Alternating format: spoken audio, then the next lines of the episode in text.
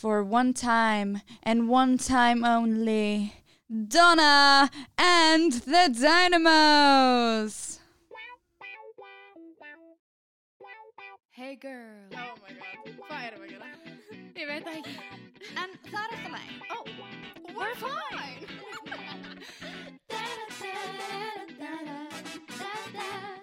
Tvær hvítur og til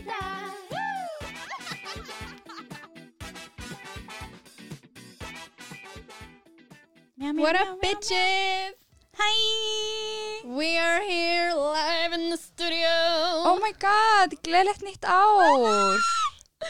Happy 2021! Happy 2021, thank God the shit show is over But now we have a new shit show Ég var bara að segja Það er bara nýbúið að koma eitthvað í bandaríkunum og allt er í volli og allir eru bara út um allt og Það er bara- Allt í gangi Já, en allt bara gaman og nýtt Meina? ár og nýtt Við erum nýjar konur. New year, new, New me. bitches. Já, ég er bara mjög til í þetta ár. Já, ég líka, no joke. Jákvæðni, good vibes. Já. Það er Capricorn season Ah. Það er bara að minna alla á Þannig the odds are in my favor.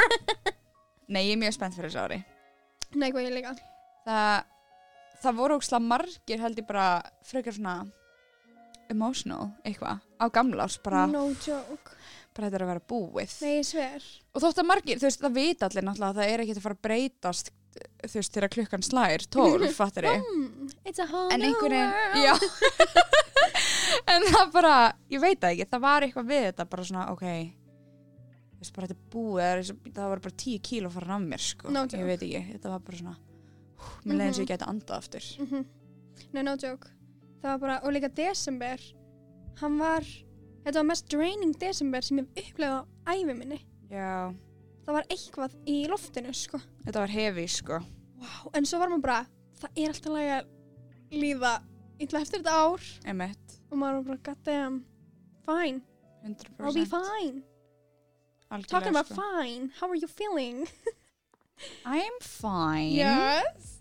Ég er bara doing pretty good. Mm. margt í gangi, margt in the works. Um, sem er spennandi. Exciting, lovely. Um, mikil óvissa en samt gaman. Já, og ég er bara feeling good. Spennt fyrir þessu ári og new beginnings og jákvæðni og draga þessi góður orku ég er Mhm. eitthvað rosa mikið í því núna. Andjóks bara svona good vibes í öllu. Köttu út allt óþarfa sittið sem skiptir ekki máli. Mm -hmm. og bara hú, zen. Zen. Ándjóks en þó Ég er eiginlega bara mjög svipum stað eitthvað neginn. Um, ég fann að sapna svona róskvartsteinum. í alvöru mitt. ó, þetta er svo mikið svona fara að vera okkar svona nýja þing eitthvað svona steinar og svona energy og yoga Já, oh, Ég stundaði alveg jóka í fyrra sko, en það er bara COVID kattaði, ég. já, En I'm, I'm going back, sko. við erum fara að taka þetta alla leið to the yeah. Og veistu hvað mér langar í? Mér langar í svona, get svona wholesome mér langar Vibes. í svona, svona, svona prik sem að brennir. Já. Mér langar í. Já Mér langar það inn í herbyggja mitt. mm mér langar að herbyggja mitt sé reynd og mér langar í steinunum mína á bólum mitt og mér langar að lesa en ég fyrir að sofa og ég er bara svona, Vá. já, og ég fann bara líka Við erum að frekar svipuð um stað, ég Já. fíla það. bara þegar þú varst að tala, ég var bara, ok, same Já, period. já, að því ég var svona ég þarf bara þetta sen, ég þarf bara Mm -hmm. my mind needs to be cleared Ó, svo mikið. já, á herbyggið Taka til í herbygginu. Inn í hausnum. Já, já, já. hekka upp fötin á gólfinu Án djóks, svo mikið. Andjóks. Við erum að taka til inn í herbygginu okkar, inn í heilanum. He herbyggið er heilin, ef einhver var ekki að hlusta síðast á það. það var herbyggið heilin. Og við erum að fara að taka til inn í herbygginu okkar á þessu ári. Mhm. Bara svona, hús. þetta verður bara Allt verður gett og organized. sen Sen. good positive vibes Only. only darling Yes. það er bara já, 2021 new bitches We're here. we're here ok, ef On ekki að fara í on repeat nei, veistu hvað er on repeat hjá mér? jú, þú Hvað? veist þetta þú veist þetta, Do I? giskaði Uh, 2020 Squeezer ó, playlistin. já ég gerði þess að nýjan playlista Hann er ekki komið mynd. Nei, hann er ekki komið með mynd En þetta er líka Hann er sko, hann er ekki Opinber Nei. Því meður, krakkar En kannski get ég gert það Af því ég gerði þetta bara fyrir svona vinahópin Fyrir okkur skvísunar Mhm. Og ég verða bara að segja Þú veist, it slaps sko Oh, Hits yeah. different Hann er Oh, eitthvað yeah. annað Skemmtlegur Mhm. Mjög, mjög góður Og þetta er allt bara Sem er búið að vera vinsælt þessu ári Og svona classic Djam Mhm. gælu, skvísulög Nei, svo gaman sko. við erum allt bara frá Dua yfir í Whitney Houston Nelly Furtado. Beyoncé, Riri skilur þetta er gælu playlistin sko Sylvia Nótt. Sylvia Nótt, Miley Cyrus High School Musical ég er að fara yfir þetta Absolutely. Nei, ok, við Hann vorum sem sagt, uh, smá background. En Mhm. við vorum sem sagt búin að vera alltaf basically í einangrun til þess að geta hist Mhm, á áramótunum. mhm, Við vorum bókstala sex. já og einn fór í Og COVID-testu morgunin. Þannig við vorum alveg bara snatched. Já Einmitt. En það var samt ekkert eitthvað mjög planað Við vorum bara svona, ok, ef við getum Já, þá ætlum við bara svona já, vonandi. Þannig við vorum bara búin að vera heima En já, þannig ég gerði playlistan fyrir það kvöld Mm Og það var bombin. Mjög gott Mjög, mjög gott It was bombin. En þitt on repeat Herðu, ok, ég er líka búin að hlusta þennan playlista. mm -hmm. Svolítið bara svona, ef ég er í stuði þá er ég bara, ok, 2020 squeezer, for Mhm. sure. Mm -hmm. Svo var ég að búa til playlista sem heitir Let's See, punkt, punktur, út því ég Ó. ætlaði að finna gott nafn á playlista. Já Og ég eitthvað svona skrifa bara, um, let's see. Og svo Já. var ég bara, well, that's it. mm -hmm. It's gonna be let's see. Og ég seti mynd, bara svona, listen to music, go to galleries, read books, buy art, eitthvað svona þannig. Og svo er bara með svona gett cozy lög. oh. Bara svona R&B, stelpur, Ariana Grande, Victoria Monet, oh. þú veist bara Yeah vibes. mm -hmm.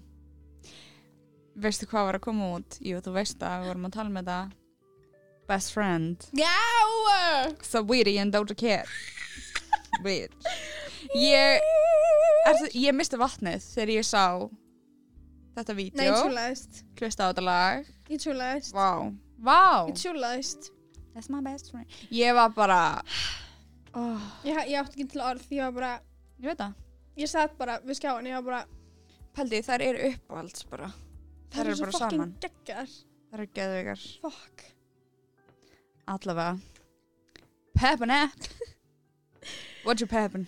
I'm pepping the pepper and the pepper bloop. Ég er að peppa for sure að að bólefnið sé komið. Ég líka Að þú veist.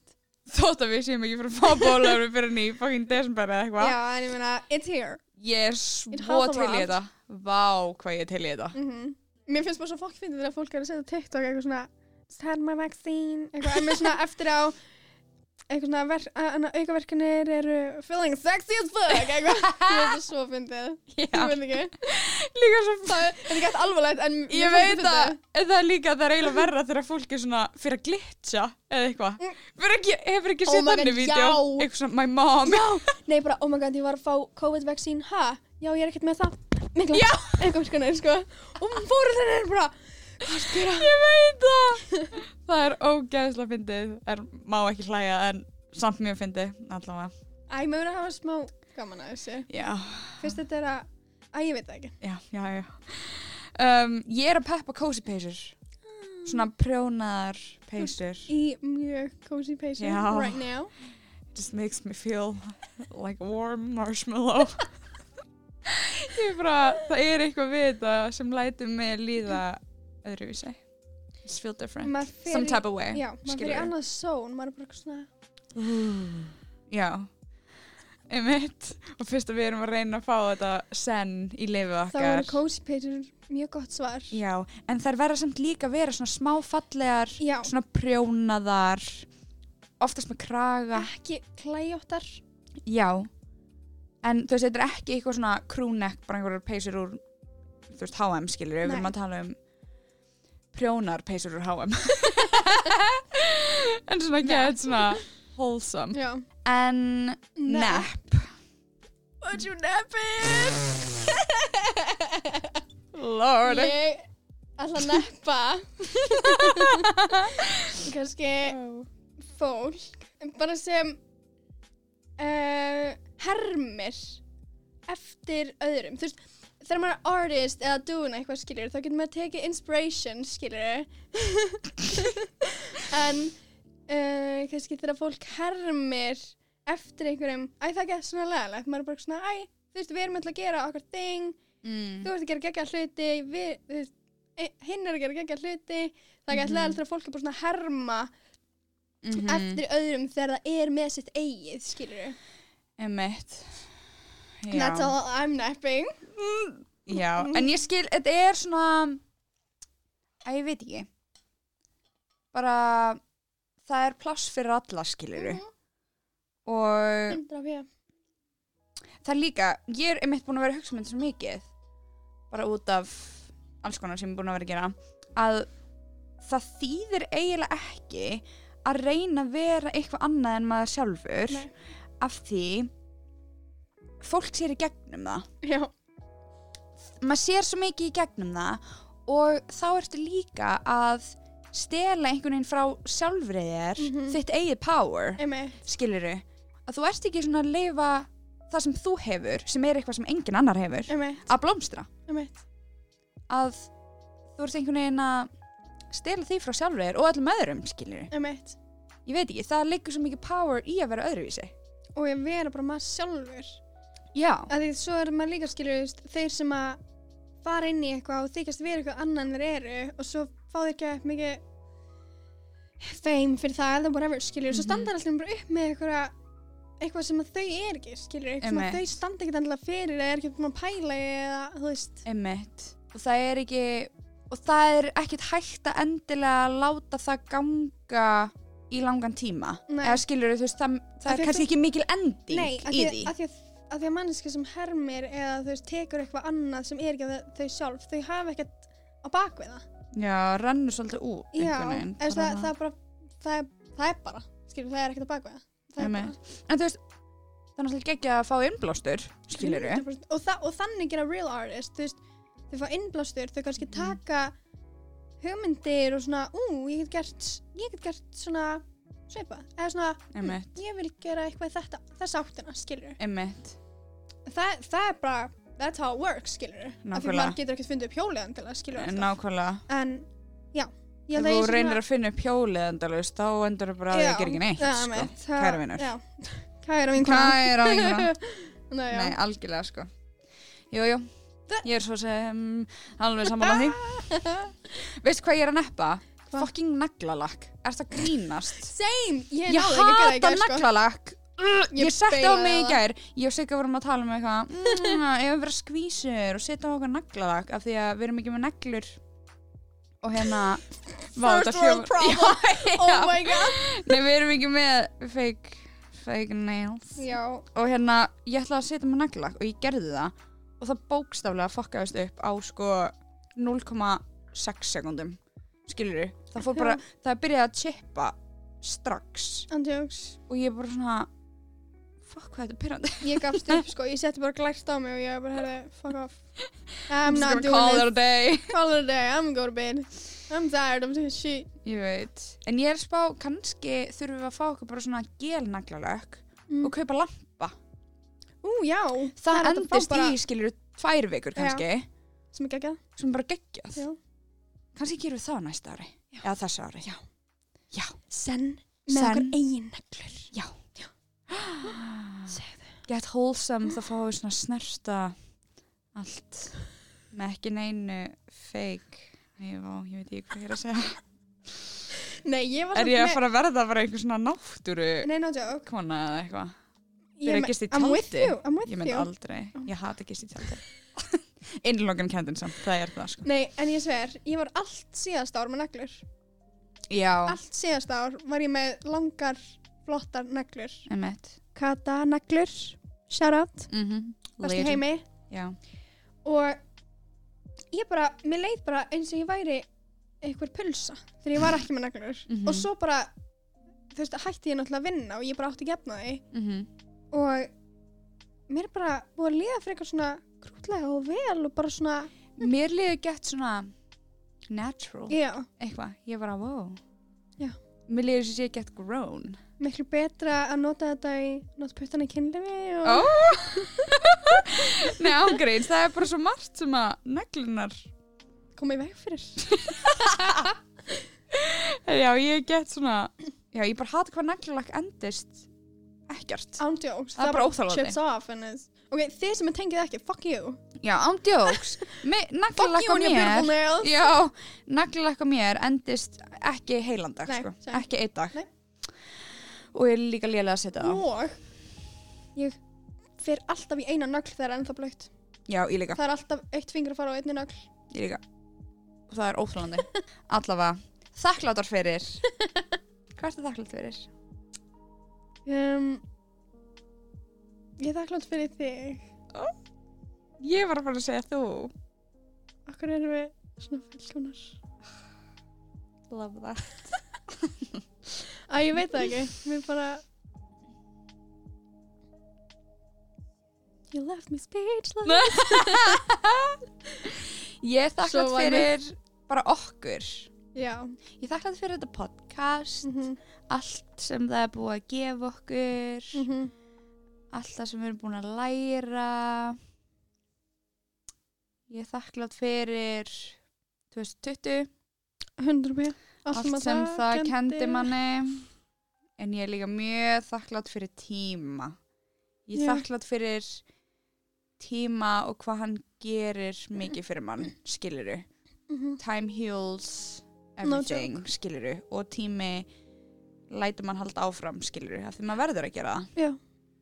Og tími kom okkur hingað í nýtt ár skiluru og Mhm. nýtt mindset og zen lifestyle einhvern veginn Æ, ég veit ekki, það er bara þakklátt fyrir life og hvernig það virkar og hvað það gefur mér mikinn kvíða en líka hvað það er ókslega skemmtlegt og fallegt inn á milli. Já, andjóks. það er mjög svona, og líka, maður getur líka verið þakklátt, þakkláttur fyrir sjálfa sig, mm -hmm. af því að maður sjálfur á þetta líf. Mm -hmm. Pældi, það er engin annar sem á lífið þitt mm -hmm. nema þú. Það er svo crazy að hugsa það. Já, lífið, líkamanninn, sálunæðina skilur Að því lífið, lífið manns er í hausnum á manni. Ég er ekki að djóka. Er það, það fríkar mig alltaf meira meira út þegar maður hugsa út í það, en það er svo satt. Að því þú veist, allir eru að lifa sín einn líf í sínum einn haus. Emmett, Brjálað. það er brálað en já, það er ókslega margt til að vera þakkláttur fyrir í þessu lífi It is. Ég er líka þakklátt fyrir það að við séum með þannig mindset Mhm. að við vitum að það er mikilvægt að vera þakkláttur Já, skiluru að þetta er bara eitthvað veit ég hvort þetta meikaði sens það sem ég var að segja en að ég skilur mig svona það er svo mikilvægt að vita þú veist hvað það er mikilvægt Mm, að, að vera humble að vita hvað maður hefur það gott einhvern veginn Emmett. count your blessings girl Count your blessings.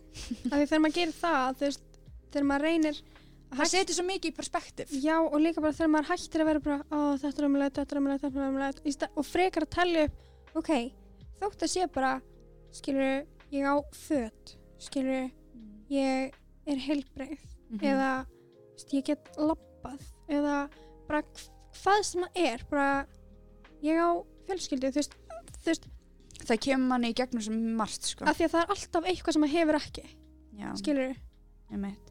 Og það er ógeðslega erfitt að vera jákvæðin oft Já. skilur það er ógeðslega erfitt að horfa bara á björtu hliðana þú veist, stundum bara nenni ég ekki skilur, er stundum er ég bara eitthvað ég bara nenni ekki vera eitthvað þetta og þetta og þetta skilur það er Mhm. alveg fair Mm en það kemur manni samt neitt Algjörlega. skilur Að því um leiðum maður veit, skilur, ok, mér líður svona svona, ég hef ekki þetta þetta, fine.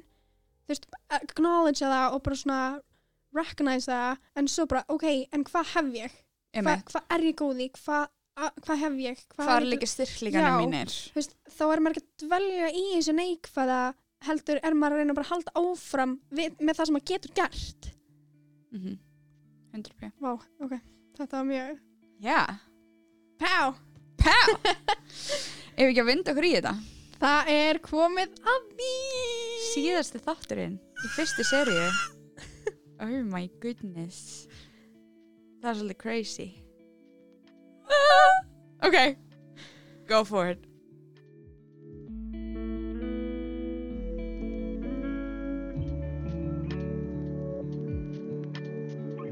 Yes. þetta get good vibes. Wow, Sko, Mega svaka. ég fíl þetta. Þetta er svolítið fif. emitt, rosa mikið við alveg. fíla samt vibes, allavega. Velkomin í Stóra Systir Epic Stóra Systir. Mm -hmm. Q&A og síðasti þátturinn í seríu 1 og 2 tvítur og tindar Oh my god. það er svolítið svoleiðis. Við hérna settum Instagram að þetta væri að fara að vera síðasti þátturinn okkar og við báðum ykkur hlustendur okkar Blessuðu. að senda inn spurningar og um, umræðefni Mm -hmm. fyrir okkur til að svara og tala um Oh yeah. og þau sendið inn alls konar skemmtilega heit þannig að þetta verður bæði bara eitthvað svona flip og líka smá real real Yes. En svo alltaf. og já, þetta verður bara svona smá epic stóra systir enda árs vibes, enda lóka þessum kabla Byrjun árs. með stæl, já, og byrja á nýju um, já, og við ætlum kannski að byrja bara með banger sem var það sem að flestir spurðu Mm -hmm. Spurningin er, af hverju eru það að hætta með podcastið og er podcastið búið forever? Sigga, take it away. um, ástæðan er af því að stundum þarf maður að leggja eitt á hilluna til þess að fókusera á annað. Mm -hmm. þegar að því maður getur ekki alltaf verið að gera allt því miður. Líka þegar maður vill gera allt vel, já, skilur þá vil maður frekar skipta í kabla og gera hlutina vel. Mm -hmm. og það er erfitt að velja. Það er erfitt að velja hluti.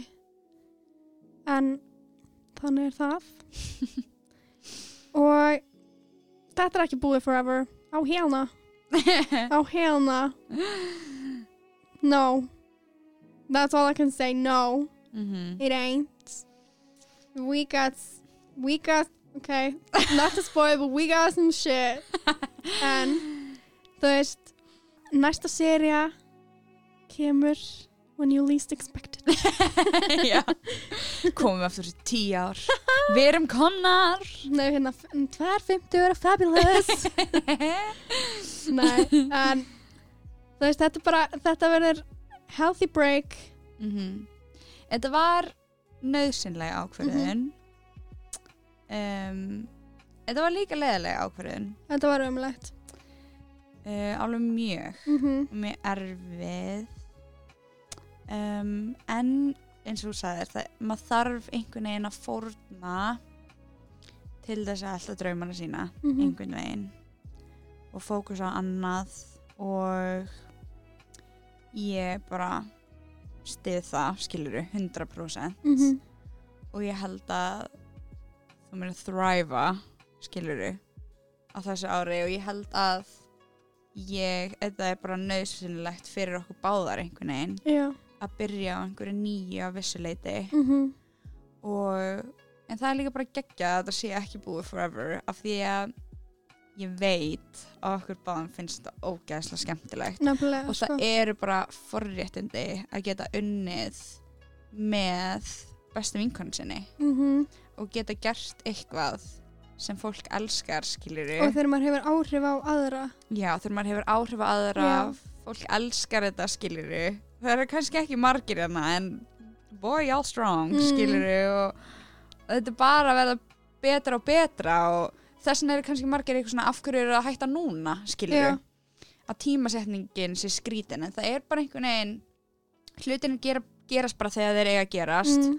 og þetta bara þurfti að gerast núna og það er bara alltaf læg og við erum líka bara með plön, skilur við Mhm. við viljum gera meira úr þessu. Já, og eitthvað stærra og betra og þetta var bara einhvern veginn ekki að fara skilur verða þannig heldur skilur ef við myndum halda áfram. Mm þú veist, við gætum ekki gert þetta eins og við viljum nei, ef við myndum, myndum halda áfram núna þú veist, Mhm. og við elskum að gera þetta eins og ég geti gert þetta svona eilífi, skilur já, en ég held að við viljum báðar halda áfram að vaksa og stækka og já, gera meira úr þessu. Já. Fyrst að þetta er að ganga vel mm og við elskum að gera þetta. Og þetta var bara ég held að við þurfum bara að býða þanga til að tímasetningin sé rétt já, fyrir okkur báðar. Já. og þá gerir þetta tíu sinni betur og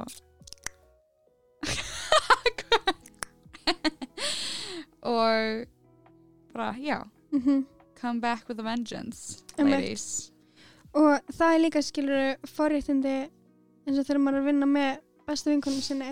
Mm þú veist við getum talað um allt skilur Einmitt. og við getum gengið í gegnum allt. Mm og sagt hvor annar er allt. Já, þú veist það er ekki eins og eitthvað sé vesen þú veist við styðjum hvor aðra og við höldum með hvor annari algjörlega, að þótt að þetta sé leiðilegt og þótt sé erfitt skiluru þá vill maður auðvitað bara sjá bestu vinkonu sína vera hamingjusum já. og alltaf draumanu sína og gera það sem hún vill og æ skiluru mm og maður myndi aldrei vilja standa í veg fyrir því Nei. skiluru ég held allan daginn freka með þér heldur en með þessu skiluru Vist, ég elska þetta en ég elska þig tíu sem meira já, skilurðu? sömulegis Æ, veistu hvað ég meina, þú veist, já, þetta er líka svona þegar maður brýtur þetta niður og þá er maður bara eitthvað, ok, Mhm. skilur, hvað skiptir máli einhvern veginn, já, það er þetta bara já, já, já, já.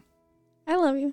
Love it here en það er líka áslega gott að hafa þetta að vita að þetta er ekki bara búið því að þetta er rosa opið þú veist það er ekki eins og þetta sé eitthvað deal sem að við bara eitthvað, yep, we're closing the deal skilur já, já, já, við getum komið hven sem er skilur og eins og við segjum við getum komið tilbaka þurfum 50 ár skilur það, veist, það er enginn að segja ykkur hvað við megum og hvað við megum ekki gera skilur það er ekki eins og við sem reknar skilur þú veist við að- erum our own bosses ladies. Já, þannig að veist það er svolítið svoleiðis.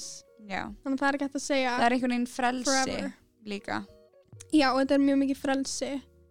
Að hafa þetta í okkar einu höndum já, svona. já, en ég verð samt að segja þú veist, ég er svo ótrúlega þakklátt fyrir allt og allan stuðningin og mhm, frá öllum skiluru og það er ótrúlega erfitt að halda ekki áfram með þetta þú veist, Já. ég mun sakna þess skiluru mhm, ég held að þú munir alveg gera það líka. Mjög mikið sko. Og það munir eiginlega vera skrítið að ekki hittast alltaf einu sinni viku og tala um fucking skiluru, aliens við munum samt að við að gera það hvort Já. sem er ég veit bara ekki taka upp en, En það verður líka alveg gaman, skilur það, því að Já. sumar, stundum er maður að passa sig hérna hvað maður segir, sko. þið kannski haldið það ekki með við hvernig við erum en We við can't erum just crazy. say everything we're thinking. en já, ég er bara þakklátt fyrir allt og hlakka til að koma aftur einn daginn Mm. og keep your eyes peeled Ég held að þetta ár verði bara gett svona mikið strengthening fyrir okkur báðar. og þetta var líka bara svo mikil reynsla Sjúkla mikið. Sjúkla mikið. þau hjálpaði okkur svo mikið og kenti okkur svo margt Yes. við erum dynamic duo En já, þannig núna skiljið við vonandi aðeins betur. Yes. Og ef þið hafið eitthvað spurningar fleiri, þá bara sendið já. ef þið viljið eitthvað persónulegt. já. Jók. Ok. Talking about a new year. Oh lord. Hvað eru áramóta heitin? Oh my god. Okkar. Sko, viltu byrja? Þú má byrja. Ég er ekki með eitthvað svona mjög konkrétt eitthvað ég ætla að gera þetta eitthvað svona.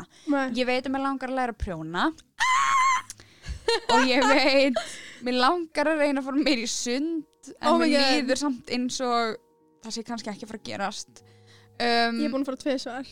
vel gert mér, já, mér langar bara almennt að treysta sjálfa mig meira Mm leifa mér að gera það sem ég vil um, og bara go for it Mhm. einhvern veginn, bara engin draumur er of stór Mhm. einhvern veginn og bara treysta því að ég geti framkvæmt og geti gerst og geti og, og ég sé nóg góð fyrir eitthvað.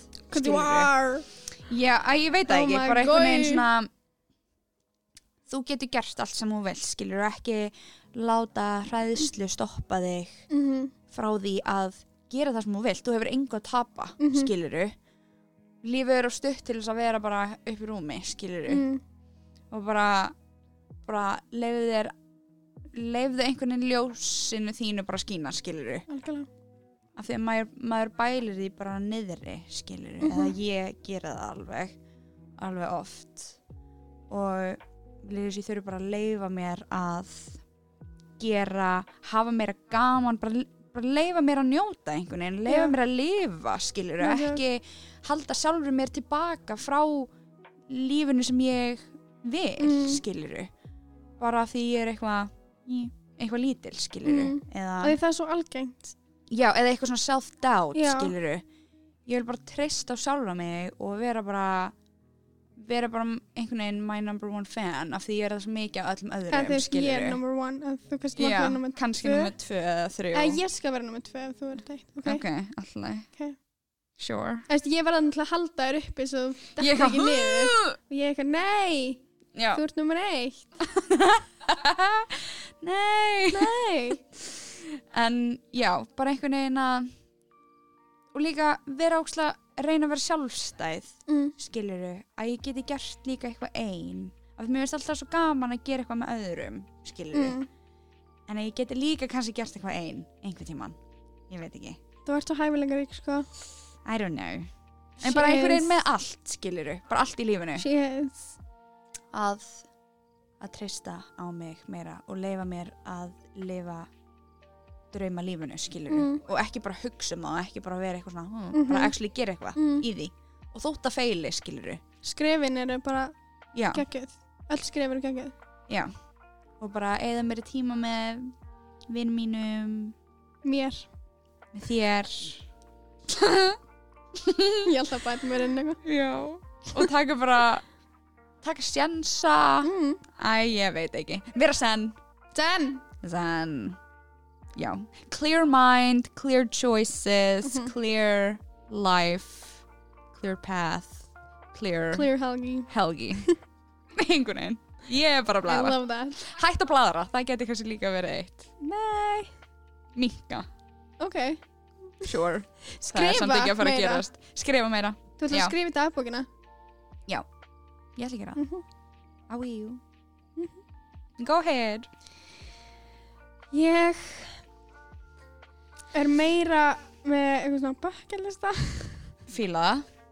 Fíla það. og skipulag þannig ég held að mitt er svolítið bara svona að fara eftir skipulaginu mínu af því ég er alltaf mikið eitthvað, svona oh, ég ætla að gera þetta og þetta ú, Mhm. eitthvað svona og nú langar mér svona virkilega að fara eftir skilur Já.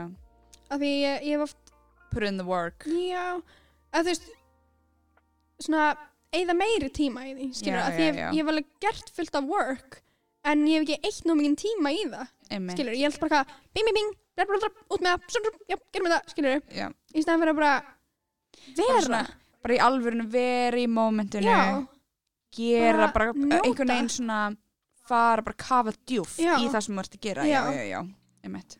Þú veist, ekki vera bara impulsive þótt að það, Mhm. þótt að það hjálp mér alveg að, þú veist, koma hlutum í verk að vera svolítið bara svona, æ, whatever, skilur, Mhm. gerum þetta bara en mér langar virkilega bara svona að gefa mig tíma að hugsa já, af hverju ég er að gera hluti hvað það stendur fyrir og þú hjálp mér mjög mikið með það, skilur mhm, bara með art view, skilur mhm. artistic view þú veist, bara svona hugsa virkilega bara svona já. Hvað er ástæðan fyrir þessu blómi á þessari mynd sem ég er að fara að gefa út? Eða whatever, bara eitthvað svona Já. bla, skilur sem ég hafði bara aldrei What are you doing? no joke. Oh, annars er ég bara með bucket lista og mér langar ógæslega mikið að ég lóka árs geta tjekka því allt í honum. Það verður ekki og já, fara eftir planinu mínu. Það er ekki I love that. Og vera meira senn Við erum, ég held að við myndum báður hjálpa hver annari með það Já. Ertu búin að vera senn í dag? Hvað ertu búin að vera? Hvað ertu búin að gera senn í dag? Sigga, ertu ekki búin að kveikja reykjálsinu í dag? ég er sko búin að taka 25 mínútna yoga mantra session í dag Mantra mitt er hakalón Ok En ég átti samt einu svona möntri, bara man ekki hvað það var oh. Og ég Anyway. held að mantra væri Nei, við þurfum greinilega að sanna okkur meira. Ég kann ekki nú Ok, nummer þrjú. Hvernig eru þið svona confident? Born this way. My mama gave me this. Jó Nei, lord. Ég er ekki sérstaklega confident verða að segja. En þetta er svolítið fake it till you make it sko. Já. Ég held að þetta sé líka þroski. Mm bara tími skiluru um, upplifanir. Mhm. og mindset. 100% 100p mindset sko. Headspaceið þitt. Determar hvernig þú horfir á allt. Á lífið þitt, á sjálfa þig. Mm um, ef þú trúir virkilega að þú sért a bad bitch þá ertu bad bitch -hmm. það er bara þannig, No skilur joke. þess vegna er allt þetta dæmi svona, horfði í speil og verður bara, þú ert best af því að, Fólk er búin að sanna þetta sko já, og bara svo mikið manifestation að koma þessu út í heiminn að segja þetta við sjálfa Já. þig svona physical, skilur af því þú ert bara að reyna að drita þessu inn í hausinn þinn að Mhm. þú ert nóg, að þú ert geggjuð að þú ert klár, að þú ert frábær, að þú ert best, skilur -hmm. og ég held bara eins og ég sagði áðan að fatta að styrkleikurinn þinn liggur í sjálfur Já. þér, skilur að bara að þú ert öðruvísi frá öllum öðrum það er bókstaflega enginn í þessum heimi sem er eins og þú Mhm. pælum í því hvað það er magnað þú hefur eitthvað sem enginn annar í heiminum hefur, skilur og bara að horfa einhvern veginn ef hún nærð að þjálfa heilandinn mm -hmm. til þess að vera bara þú ert með þetta, þú ert með þetta, þú ert með þetta skilur bara þú ert geggjuð þú hefur svo margt upp að bjóða skilur þú ert góð manneska þú ert allt bara, þú veist, whatever it is þú ert með fallegar tær, I don't give a shit skilur þetta má vera hvað sem er. Bara að minna sig á einhvern veginn. Mm -hmm. að þú ert alveg, þú ert bara fullka með nákvæmlega eins og þú ert, skilur Mhm. og líka ef maður er að vinna í sjálfum sér ef maður er að gera betur, reyna að gera betur reyna að bæta sig. Mér er það líka að gefa mér confidence Mhm. skilur ef ég er bara eitthvað svona I'm doing better, ég er að gera þetta fyrir mig ég er, að, ég er búin að vera að þjálfa þetta skilur mér líður eins og ég er búin að þroskast þarna bæta mig þarna. Þá líður mér alltaf betur Mhm. með sjálfa mig skilur Já. þetta er bara einhvern veginn bara ekki vera of hörða sjálfa þig í alvörunni, það getur verið eðlagt svo mikið fyrir manni. Mhm. En þetta er svo mikið mindset og stundum er ég bara þú ert í alvörunni kartabla skilur og ég, þú ert ekki í góðu neinu og þú ert ömuleg og vonlaus. En svo aðra dag er ég bara eitthvað you cute. I like you. Skilur og þetta er bara battle, bara fram og tilbaka endalaus Mhm. í gegnum allt lífið skilur No joke. Maður reachar aldrei pointa sem er bara eitthvað ég er fullkomin. Bara ég er bara, það er ekkert sem ég vil breyta, það er ekkert sem ég skilur Mhm. þú veist, maður getur alveg verið á stað þar sem maður er sáttur Mhm. og bara líður vel í sinn megin líkama og sál og hjarta skiluru en maður er aldrei fullkomin, skilur maður er bara fullkomin einn sem maður er já, þú veist að, að þú veist konseptið af fullkomun einhvern veginn Mhm. er allt annað skilur það er öðruvísi fyrir öllum. Já, skilur þannig að þú ert alltaf bara að reyna að rýtsa eitthvað sem að er ekki til skilur mm einhvern veginn það, er ekki til, það það er ekki til eitthvað sem heitir að vera fullkomin. Það eru bara allir eins og þeir eru og Einmitt. maður getur alltaf lært eitthvað okkur meins degi, maður getur alltaf betur bætt sér einhverju. En ég veit ekki, ég held að eins og með mig, þú veist, ég var voru confident krakki bara út í að ég var ekkert að pæla. Ég var bara eitthvað svona að hafa gaman. Bara no joke alltaf skilur og ég held að hafa komið svona setna á úlingsórnum þegar maður fór meira að pæla að þá svona dettu confidence niður Mhm. og, og maður er bara eitthvað svona og fyrir að pæla hvað fólki finnst sem ég hafi aldrei gert áður skilur Einmitt. ég hafði aldrei pælt í bara eitthvað svona á einhverjum finnst ég ljót skilur Einmitt. þú veist að ég skilur Já. og ég held að um leiða maður þú veist væri að heyra allt í einu svona eitthvað, heyra eitthvað leiðilegt og allt í einu fyrir það sem fólk er að segja hafa áhrif á mann og maður er bara svona what is going on? Skilur af hverju get ég ekki bara verið careless skilur eða bara ekki hlusta á þetta? Af hverju, af hverju, af hverju er ég í þessu svona mikið? áhrif? Af hverju er þetta áhrif á mig? Af hverju er mér fyrir að líða eins og ég sé kommentin sem ég er að fá? Mm skilur og þegar maður fyrir að battle against that bara einmitt, horfa sér í speglunum og vera bara að segja fallegt við sig eða hugsa það eða bara, þú veist einmitt eins og segir, bara fake it till you make it bara, ég er bara eins og ég er. Og annar manna skoðanir segja ekkert um þig skipta ekki máli og eiga ekki að törmuna hvernig manneskja þú ert. Bara ekki þú veist, við höfum bara okkur sjálf mm og maður þarf að geta verið sáttur í sínum eigin líkama mind, body and soul -hmm. til þess að geta átt heilbreytt líf, skiliru og þetta er bara um að setja sig í fyrsta sæti og vera bara fuck the haters einhvern veginn. Þetta er bara svolítið ákvörðin þetta er bara svolítið svona, ok. Já, imagine eitthvað the best version of yourself and start showing up as her.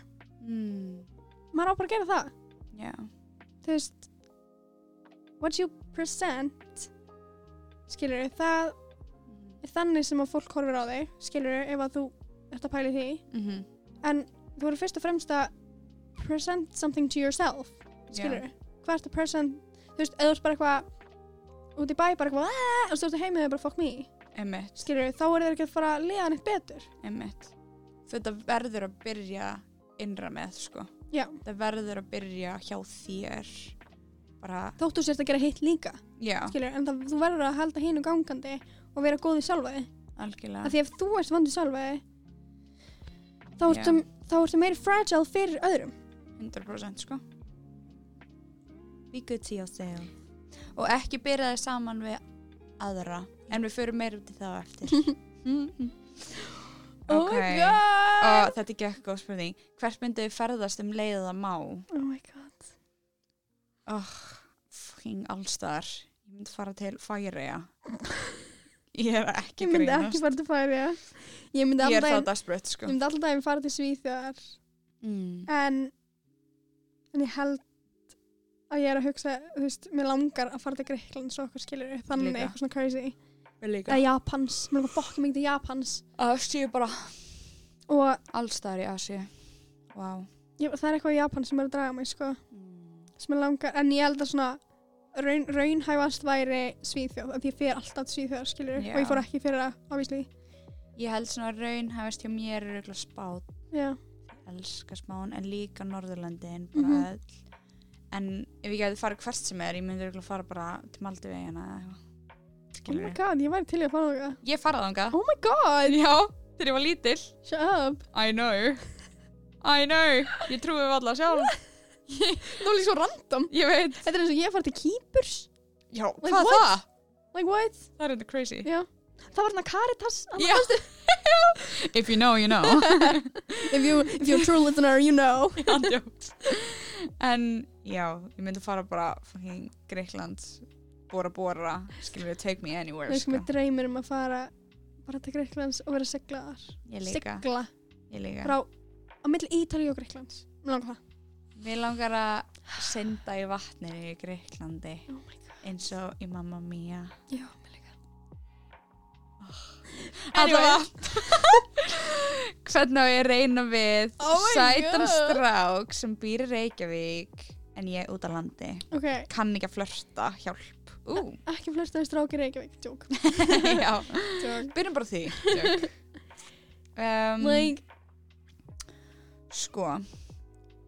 Þetta fer eftir, skilur, ertu með snappið hans, er það að follow okkur annað, er hann að senda þig? Einmitt. Þetta er svolítið svona, Ég myndi náttúrulega bara auðvitað byrja á að followa, skiluru, já, add og snap, skiluru, vera allavega með kontakt Mhm. þarna sem ég geti tala saman eða bara ringi hann, I don't know, FaceTime. ég er það, En- sko, Já, en ok, ég er þar meira í dag, skiluru, en þegar maður er kannski eitthvað svona að byrja, ég veit ekki. já, En, nei, ég er samt það líka í byrja, en ok, Já, en kann ekki að flörta, sko, ok, það er til dæmis ókslega mikið bara um bara confidence, skilur bara Já. að go for it. Og líka að líða vel með manneskinni að þegar þið líður vel þá líður eins og sé svona meira frelsi til þess að vera Já. bara þú og vera já, cute, you know? En samt líka bara yourself, Já, að því að þú veist, ef þú ert yourself og þú ert að reyna bara að tala við hann, bara have a conversation og ef hann er bara eitthvað blöð þá, þá þú veist, þá segja hann að þú fekk skilið, sko nei, 100% Æ, veist, ef þú ef hann er ekki að gefa neitt tilbaka þá er það bara búið bæ, Já. frekar, sko. Ég myndi náttúrulega alltaf bara byrja á góða hæ, skilur skilur bara byrja að spjalla senda einhverja cute mynd. Já, ekki svona eitthvað. þannig mynd skilur ekki Nei, byrja að beita nei, nei, nei. guð. Nei, nei, en bara svona hljómaði nei, bara svona, að ég veit ekki þú veist, kannski senda, að gera eitthvað skemmtilegt þannig að svona þú veist, þú getur líka að byrja því áður en þið farið bara eitthvað strax bara eitthvað, hæ, þetta er skilur, þú þarft ekki að byrja þar. Heldur meira bara svona myndi ég segja bara eitthvað svona senda eitthvað svona þannig sé random snap já, bara skilurðu. random eitthvað svona þú að gera eitthvað fara út með hundin eða looking cute. eitthvað looking cute eitthvað svona, jafnvel eitthvað sem þú hefur ekki áhuga á, skilur, Einmitt. það er ekki eitthvað gott þú veist, eða þú ert á æfingu, bara svona senda því Einmitt. eða whatever. Og svo ef þú vilt starta skilur konvo og þá vera bara eitthvað hei, skilur eða bara Hvað gott? hvað segir eða líka þú veist ef að hann sendir eitthvað að kommenta á það og reyna að búa til samræði úr því einmitt. Og það er bara- mjög gott. Já, bara Það er svona, ó, er þetta að gera þetta? Mm. Ó, veistu fótbolta? Ó, ég elska fótbolta. Já. Bara googla einmitt, Þú veist, bara whatever. been there. En hérna. Já, bara svolítið eitthvað svona go with the flow. Ekki að setja of mikla pressu á það. Þá byrjar að ofugsa og þá verður þetta ónáttúrulegt og þá verður þetta leðalegt Já. bara svona, Og þú veist, ekki vera of svona desperate fyrir þessu, þú veist, ef þú veist bara eitthvað Já. senda og svo bara, oh my god, hann er ekki búin að opna gett lengi, þú veist, bara send bara, fara að gera eitthvað, lokaðu símanum bara í smá stund og bara, skilur, nei, ég meina þessi gæði er ekki alheimurinn, skilur þú. Hefur það er hluti að gera. málið, sko. Þú og veist, bara einhvern veginn, verður þú sjálf. Já, og ef það virkar ekki, það virkaði ekki. það virkar Það ekki er en alltaf það er bara allt í góðu en þá ertu allavega búin að gera það, skilur No joke. Þá er maður búin að reyna bara, skrefið. ok, fine. og það hefur enga að tapa, skilur Og þá getur maður líka séð bara svona, oh shit, ég ætla ekki að gera þetta næst. Einmitt, Ég ætla ekki að, ég ætla ekki að gera þetta, ég ætla ekki að segja þetta næst, ægi, mm. ég vil, ef að, ef að gæi svarar mér svona aftur þá er ég bói bæ, skilur eitthvað þannig þess að maður lærir alltaf á því líka bara að tala við fólk bara ok, hvað fíla ég, hvað fíla ég ekki Einmitt, bara svona Að læra með því að gera já, sko. þetta er aðalmálið ekki endilega vera að spá í of mikið hvað fílar hann, þetta er líka hvað þú ert að fíla. Það sem hann er að senda, ef hann sendir alltaf bara get dry snap, einmitt. þú veist do you, really, ekki do you really want that? Nákvæmlega. Skilur, þannig að pæla meira ekki vera að sína þig á mikið eins og þú vilt bara, en þú veist þú þarft ekki að vera bara, oh my god, ég þarf að vera nógu góð fyrir hann. Nei, mm þú ert bara að tala við hann þú ert fíla hann. Hann á að vera nokkuð fyrir þig if he líka. ain't shit bag, he ain't shit. Mm Period. Period. Next, Bara ekki vera hrætt, bara go for it í álfurni Númer 6 Hvaða dýr tengið þið mest við? Ég tengi mest við hérna höfrunga. Ekki ljóka Þau eru mæri svona K- veist að ég hef kist eitt Það, Mhm. ég hef klappað bleikum. Aha. I won. Mhm. En ég bara, ég hef alltaf alltaf hugsað um höfrunga bara allt mitt líf. þeir eru æði. Mhm. þeir eru bestir. Ég veit ekki af hverju en það er bara einhver, einhver tenging. Já, ég tengi smá við þá líka út af því að frænka mín gaf mér höfrunga hálsmenn mm. og þannig við áttum svona eins. Mhm. þannig ég var alltaf með það og svo kisti ég höfrunga og höfrungan kisti mig. We have a love story. Oh my god. I know. Og ég Lucky syndi með þeim lady. Vá they're so soft and they're so smart og þau eiga ekki að vera kept in cages. Fuck me. Veit það. Þau eru just beautiful creatures. Þau eru svo smart. Mm -hmm. ah! þau eru þau ekki mest smart af öllum? Mm þess að maður getur trainað þau feitt sko. -hmm. Ugh, En er eitthvað annað dýr? Set them free. Sem voru svona já ég í ég hug? tengi ekki mest við höfrunga sko. Ég tengi mest við því þeir eru bara svona wild. Og ég elska þá mér finnst það svo sexy. Og eða bara eitthvað fugl bara eitthvað krummi eða eitthvað skilur sem bara er að fljúa Það er ógslag fyndi þegar mér langar að fljúa andjóks mér langar svo mikið að fljúa ég hleparið með krummavangi for sure. Ok, ég væri þannig dyr ég fíla það. That's me.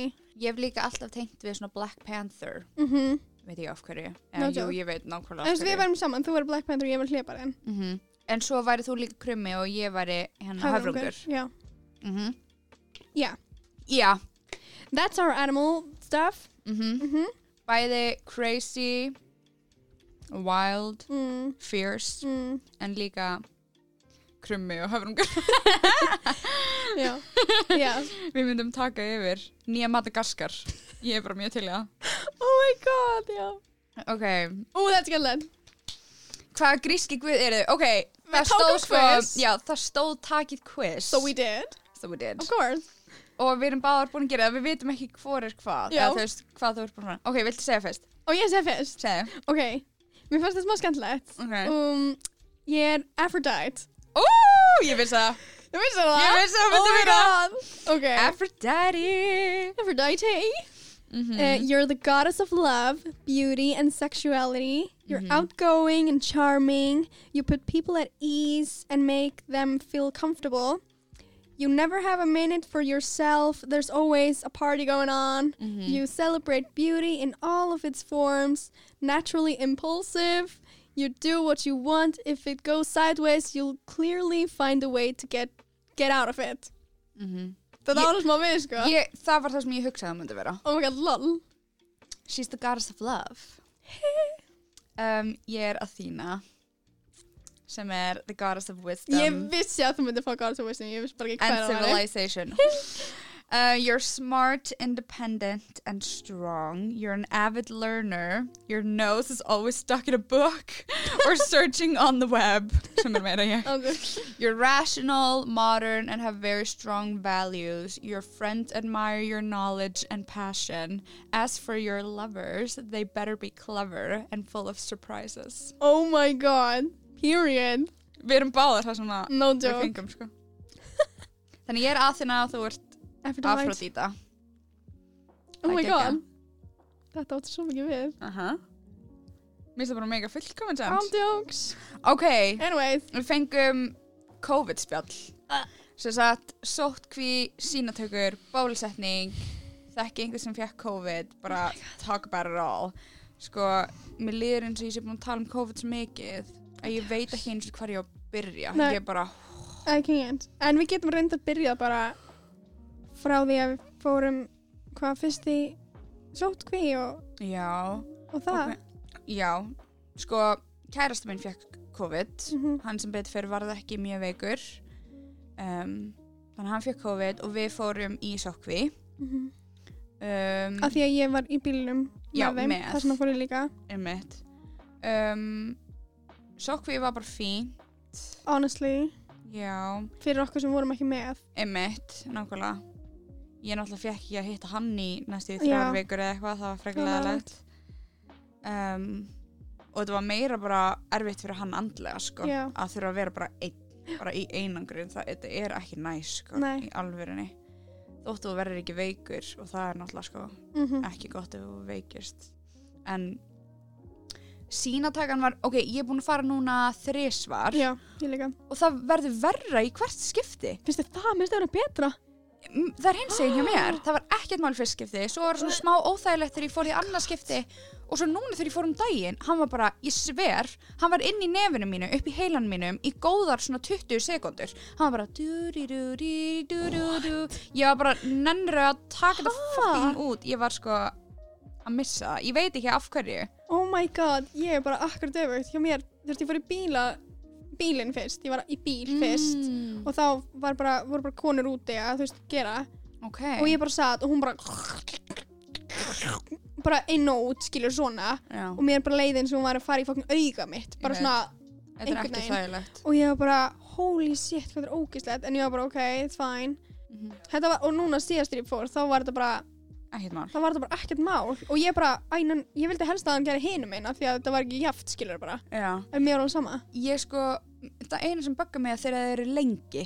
Já, af því það þá er þetta mjög óþægilegt skilur þá er maður alveg bara, óh, skilur það er það sem að mér finnst óþægilegt sko. En mér fannst þetta ekkert mál, ég bara, I was just breathing through it. Ég bara, reyndar eina sem að er orðið betra er þú veist tíminn sem það tekur að fá svar fyrst þá beði ég sko tíu tíma svo beði ég sex tíma og svo núna síðast beði ég þrjá. Mm, þannig að það er búið að vera betra.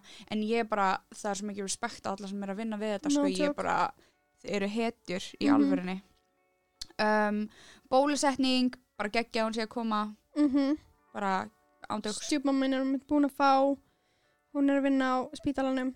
Já, og og já, ég bara er spennt að það komi, skilur, og allir fá það og það verði bara eðlilegt eðlilegt, skilur, já, meira. Við vorum um að tala um þetta ég og vinkunum mín í gær bara, en hún spurði mig eitthvað svona heldur að við verðum einhver tíman aftur eins og við vorum? Mm, og ég sagði nei, nei, af því ég held að við verðum aldrei aftur eins og við vorum en við finnum bara nýtt normal, skilur já, definitely. Og ég hlakka til. En já, það er ekki marga sem eru búin að fá COVID sko, nei, ekki sem ég veit af, sko. En mjög marga sem hafa farið í sókvi já, þannig, en mér fannst þriðja bylgjan miklu meira skeri en fyrsta.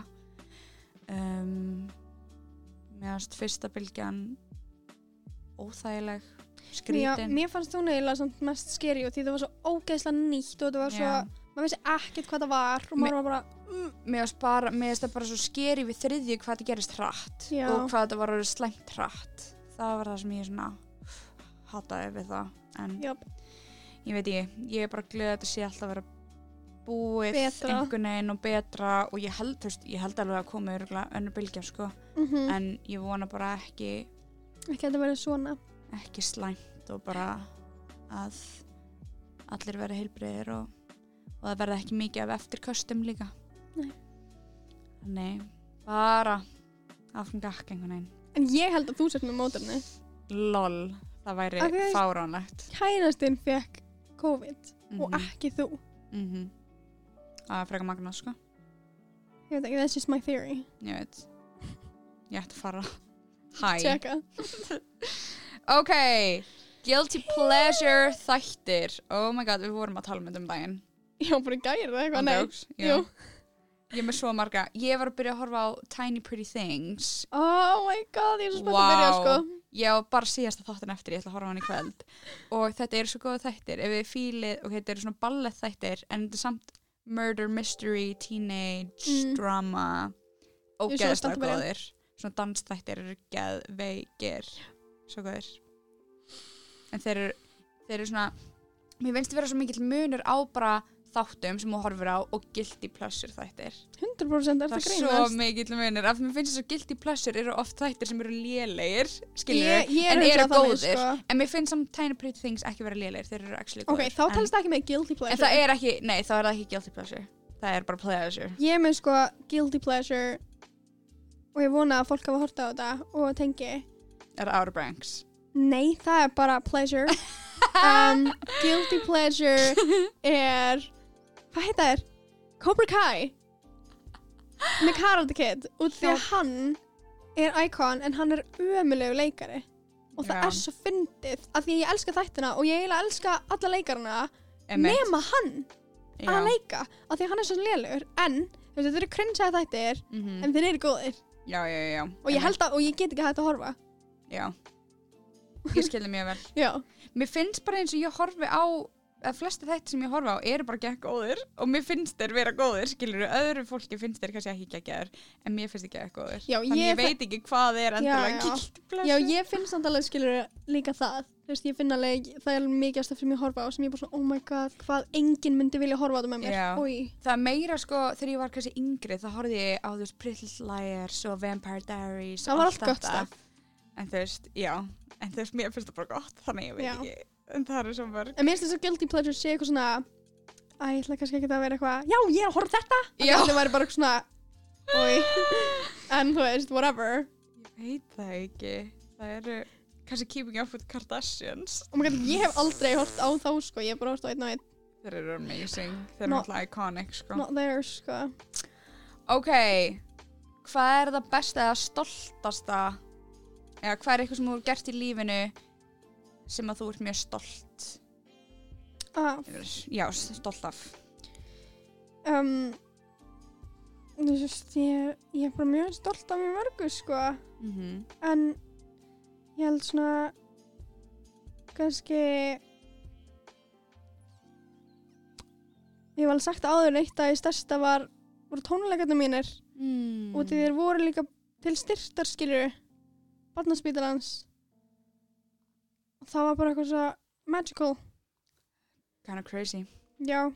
Og svo hitt er að vera kona sem við gerum mig fyrir að ég er sjúklega stolt af því. Það var líka með ókslega góðum tilgangi. Já. Allt eitthvað svona sem skiptir máli fyrir manni. Já, eitthvað sem mann þykir vænt um. Já. En já, mm. veit ekki. Ég er stolt. Ég er stolt af því mm, kannski að ég var alltaf að flytja og þurfti alltaf að byrja, eða spyrja upp á nýtt í nýjum löndum og eitthvað svona. Mm hvað ég var einhvern veginn bara svona bara roll the punches bara einhvern veginn go with the flow típa og bara gera þetta bara. -hmm. og ég pældi ekki eins og í því hvað þetta væri kannski erfitt eða skrítið en ég bara einhvern veginn gera það bara. Það er meira en að segja sko. Mm og ég svona fannst það ekki í mómentinu, finnst það núna svo setna mm um, hvað ég hef einhvern veginn eins og með leiklistina um, ég er svo stolt að ég, þú veist hvað ég hef verið þannig sem haurökk að reyna að taka þátt í eins mörgu og ég get og verið þú veist en fyrir mér var það bara sjálfsagt skilur af því ég elska það. En eins og mamma er alltaf að segja mér bara ég geti aldrei gert það sem þú gerir skilur það er bara svo haurökk eitthvað. En fyrir mér er þetta bara svona bara það sem ég elska að gera einhvern veginn. En kannski ég veit það ekki. Ég held bara ég er bara stolt af kannski hvernig ég hef þroskast einhvern veginn. Og að ég hef náð einhvern veginn kannski að gera gott úr erfiðum aðstæðum eða eitthvað Mhm. þannig. Og bara ég er stolt af heilanum mínum og hvernig ég hugsa einhvern veginn. Mhm. ég veit þetta er kannski eitt svona Nei. "Ugh, ég er svo geggjuð en bara Já. að ég hef verið sterk mm. einhvern veginn Já. og ég er stolt af því að hafa geta komið sér gegnum alls konar Já. skiluru og bara svona push through Mm og ekki dvalið á neinu of lengi -hmm. skilur alltaf verið frekar bara svona keep pushing og læra að þú veist, af mistökum Mhm. hvað ég hef gert einhvern veginn Mhm. bara, Já. ég veit ekki Nei, ég tengi, já. að vera Þetta svona er- resilient Já. meira en kannski eitthvað svona eitt atvik skiluru Já, þú veist, það er það er alveg alls konar sem maður getur verið stoltur af þú veist, að vera kona, svo stolt af því skilur alls konar sem ég hef gert sem ég get stolt af mér fyrir að hafa gert en ég veit það ekki þetta er eitthvað sem mér finnst óslega þú veist, góður ég er stolt af þessum eiginleika Mm. einhvern veginn, mm ég veit ekki Nei, I fíla. don't know, I like. alls konar en já hvernig líður ykkur með að verða stór? Adulting, að vera árin eldri. Eldast. Hvað segir þú? Interesting.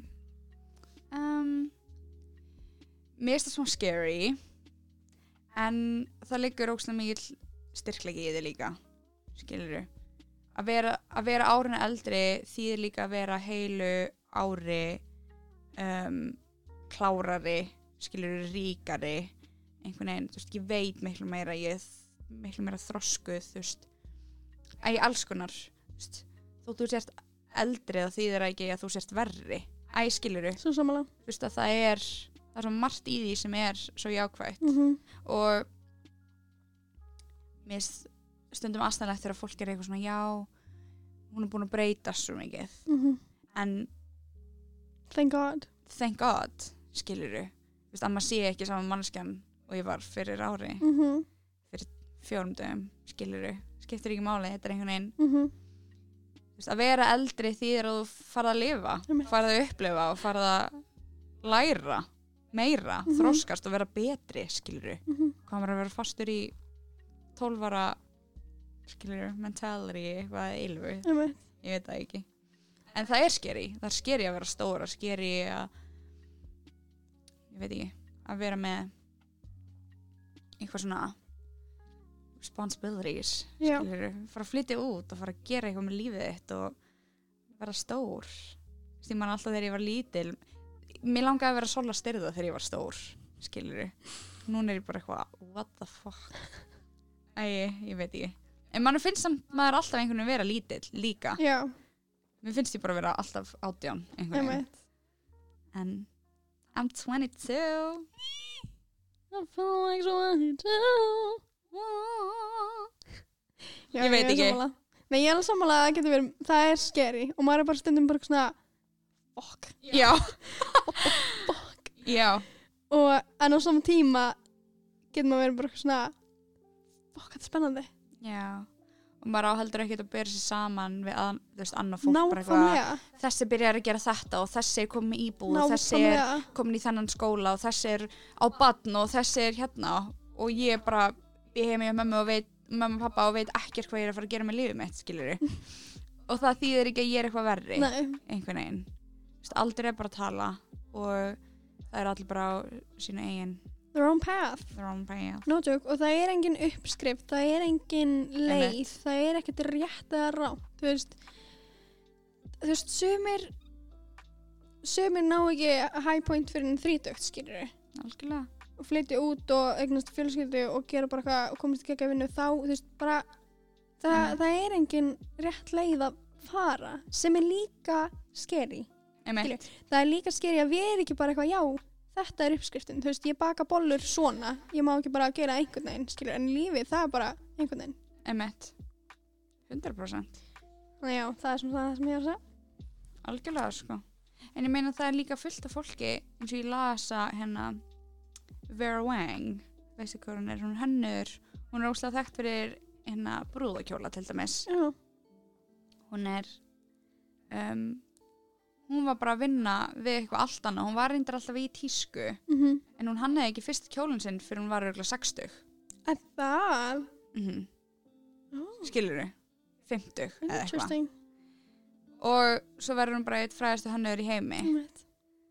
og maður er eitthvað svona þú veist, hvað ég veit ekki maður líður eins og maður er bara ok, Billie Eilish er 18 ára og hún er fræðast mannski heimi Mhm. hvað er ég að gera við lífið mitt en þú veist, það er ekkert æ, ég veit ekki, það eru bara allir eins og þeir eru, skilur Nei, ég man bara eftir því þegar ég horfði á Sör Larsson og við vorum, í, við vorum á ringborunni í FG. mm Við og Davíð vorum að horfa Sör Larsson og við erum með tónleika. Og við horfum bara hvort annar bara hvað fokknum er við að gera við líð okkar. Sitjandi Svo hérna í. FG.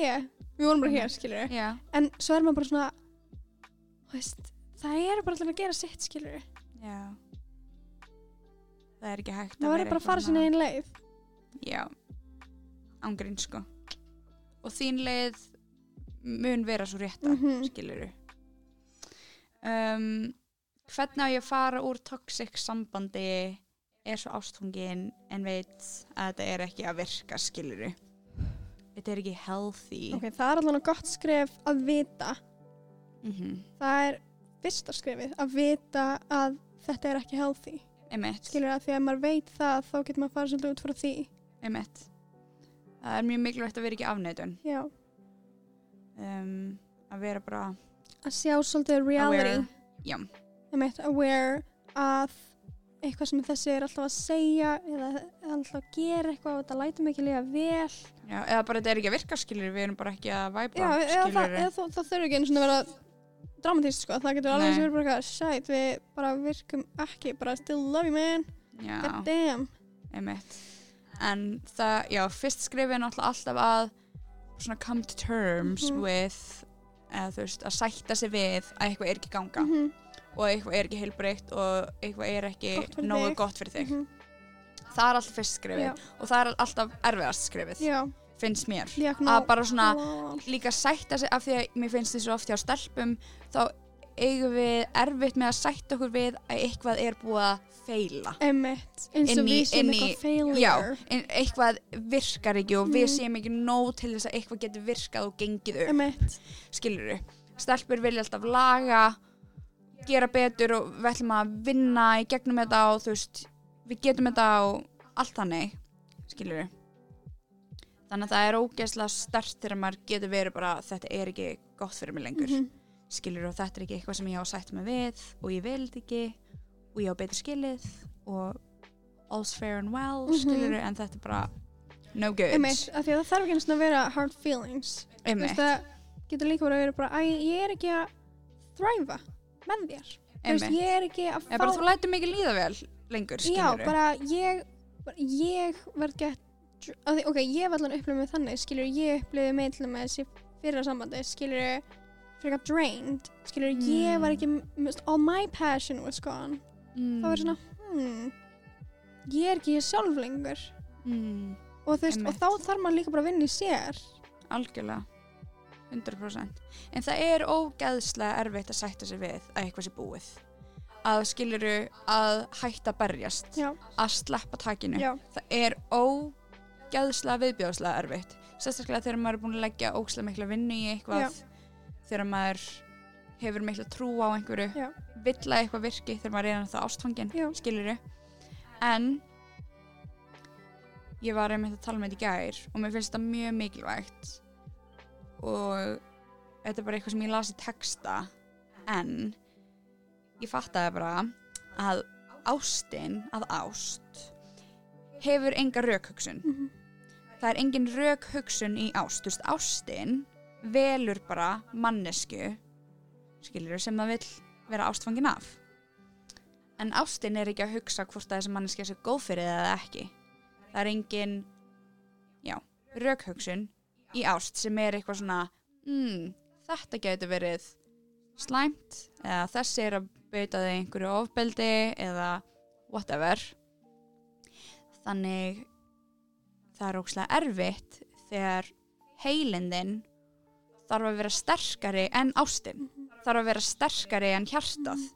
Skilur þegar þú þarft að einhvern veginn, þetta er svo mikið battle að vera bara oh my god, ég veit ekki þú veist, ég veit að þetta er vond ég veit að þetta er ekki lægi, ég veit, ég, veit að þetta er ekki rétt en ég bara elska.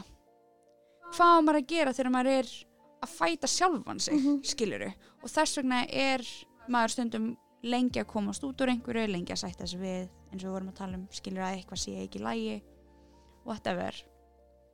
Þannig þótt að ástin sé mikil og stór og það er alltaf sagt að ástin er eina sem maður þarf bara skilur að ástin er þeim sem skiptir máli í lífinu. En stundum er ástin ekki nóg. hefur hefur ekki alltaf rétt fyrir sér skiluru stundum er ástin ekki nóg og þú þarft bara að velja sjálfa þig. Skiluru, velja bara ég ætla að Mhm. eiga betra líf en þetta Einmitt. skiluru og stundum eru hlutirnir þannig að það er worth it að berjast fyrir ástinni. Mm að hlutinir eru ekki það stórir eða þeir eru ekki það djúpir. Einmitt. Að það er hægt að að, að því að ástinni svo mikil að það er hægt að vinna úr þessum hlutum. Já, en þegar það er ekki hægt að vinna úr hlutunum mm þá er ástinni ekki nóg. Einmitt algjörlega. Þetta er bara, ég veit ekki, þetta breytti mindsetinu mínu svo mikið þegar ég heyrði þetta, ég var bara svona fuck, ástin er svo mikið penny ass. Í alvörunni, en veist, þess vegna er alltaf sagt bara þú veist, ástin getur verið svo hættuleg. Hún er bara hættuleg, skilur þegar þú ert, blind. Þú ert blind og þegar þú ert með mannesku sem kemur ekki vel fram við þig, skilur en þú ert bara sér ekki sólina fyrir og þeim. líka þegar þú ert með kannski Rökhugsunin, hérna, where is she? nei, ég var að horfa hérna ó, hvað heitir hvað heitir fólk sem að hefur heldur að þau hefur alltaf verið oh my god, þetta er alltaf úr mér Hvað? fólk sem að er Sækik, N- Nei, þau hafa alltaf rétt fyrir sér. Þau, þau, þau, þau, alltaf neina mistök. Þau, besservisser Nei, þau, alltaf neina mistök. Þau, na, nei, ég er bara betur, nei, ha? Hvað heitir það? bara eitthvað svona ignorant, Ó, narcissisti narcissisti. Já, Fokk! Þetta gerist, þetta gerist nótum um daginn. Ég var bara, hvað heitir þetta? Ég er bara að skoða sko vídeo um allt bara how to spot a narcissist og eitthvað svona. Já, Mjög áhugavert. it is En þú veist, þeir eru með narcissista. Mhm. Þú veist, þeir eru drullu hættulegir. Viðbjóðslega, sko Það er ekkert sem hún getur gert til þess að breyta narsista Bara ekki, Ekki neitt Og þú verður bara neitt. að gunna. Þú Já. bara að fara og setja clear boundaries. Já. Og bara, nei. Það við narsisistar, þeir hafa aldrei ránt fyrir sér Skilur Og þeir gera ekkert vitlaðist, þeir eru Já. bara fullkomnir, þeir eru bestir, þeir láta þér líða illa, þeir gaslæta þig, þeir láta eins og þú sért ekki nóg góður í ykkur. Snú allir við yfir á snúa þig við yfir þig, þú veist bara, þeir eiga þig, þeir vilja, þeir vilja bara hafa þig fyrir sig og bara við against the world og bara Einmitt. engin annar er betri en við og enginn getur gert við þig eins og ég fyrir þig Já, og einmitt. bara það er enginn sem mun geta elskað þig jafn mikið og ég að það mun enginn elska mig jafn mikið og þú uh, Aha. eða eitthvað svona skilur bara, Já. þú veist, allt þetta ekki læg Mhm. ekki Og hann læg, er líka alltaf í fyrsta sæti hjá sjálfum sér. Nákvæmlega. Þótt hann læta kannski líta út í fyrstu að þú sér bara best í heimi alveg eins og hann skilur að þá er lífið að fara að vera bara hann hefur rétt fyrir sér Einmitt þú ég bara run Það er ótrúlega erfitt að brjóta narsisista Þannig ég sko. mæli með ef þið líður eitthvað skringilega með fólki að literally googla bara how to spot a narcissist að það er fyllt af vídjón sem bara, bara svona Það er sjúklega áhugavert og líka að pæla bara oh my god, er ég að segja eitthvað Mhm. sem er að hljóma eins og narcissist skilur, mm -hmm. að maður Mhm. getur haft það, það hafa mjög, bara Svona flestir tendencies já, bara traits, bara svona lítið af svona tendencies Já. eitthvað svona, en að vera með narcissist personality disorder Mhm. Það er alvarlegt Brutal, shit sko. sem er eh, varla hægt að greina en samt hægt en þú veist, ekki Einmitt. hægt og varla hægt að lækna eða ekki Einmitt. hægt Nákvæmlega Og líka bara þú veist Þóttu þú sért ekki bara 100% narsisisti Það ef þú ert með eitthvað af þessum eiginleikum Þetta er bara rosalega hættulegt já, og þú veist, og um leiðum maður getur séð bara sjálfur og maður, og þú veist, narcissistar er sjaldan með open mind mm skilur, en að þú getur sérst niður hort á How to Spot a Narcissist og séð bara, Mhm. Ok ég hef sagt þessa setningu sem kom til dæmis í þessu vídeo eða eitthvað svona. Já, þá getur maður verið self-aware og þá þýr að strax að þú sérst ekki hættulegur narcissisti. Skilurðu? algjörlega. Algjörlega sko. 100% anyway, En já, þetta er bara allt rosa já, En ég held ef þú ert í einhverju óheilbriðu Ég myndi alltaf byrja því að tala við einhvern um það. Já, 100% Og bara út frá því Work it out sko. Já. Og treysti það sjálfa þig og, og að þú átt skilja betur um, Ok Hvernig hætti ég að bera mig saman við aðra stelpur eða stráka?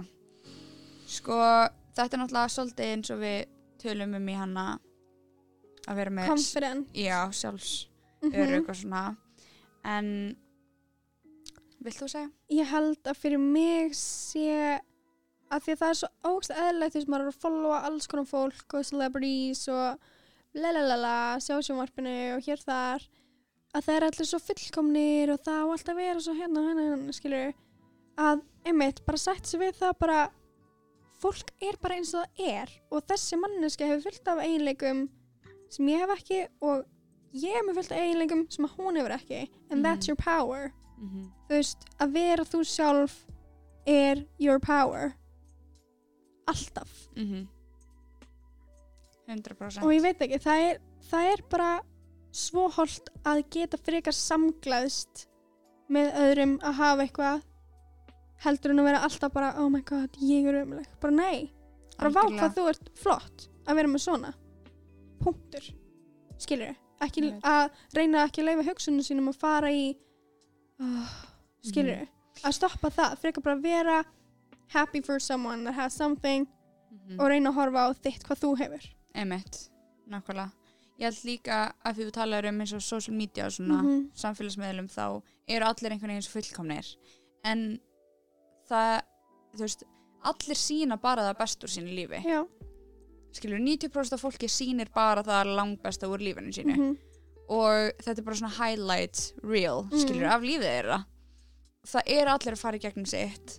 Um, þú ert að bera þig saman við eitthvað sem er ekki alvöru Mhm. skiluru, það er allir að fara í gegnum alls konar það eru margir bara að photoshopa myndina sína skiluru, mm mannskan lítur kannski ekki einu svona út Mhm.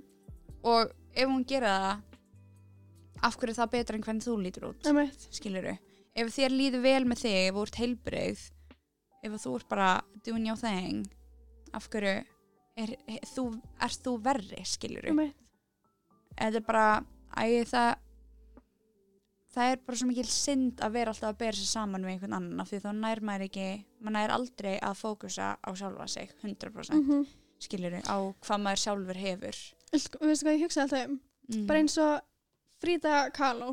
mm. Ef hún var ekki með unibrow, mm. þá væri hún ekkert spes. Mhm. Þannig að mér finnst eins og allt bara, fyndu það sem að er öðruvísi. Fyndu það sem að þér finnst eða það sem að þú heldur að sé eitthvað Mhm. ljótt eða, eða ekki nógu flott. Það.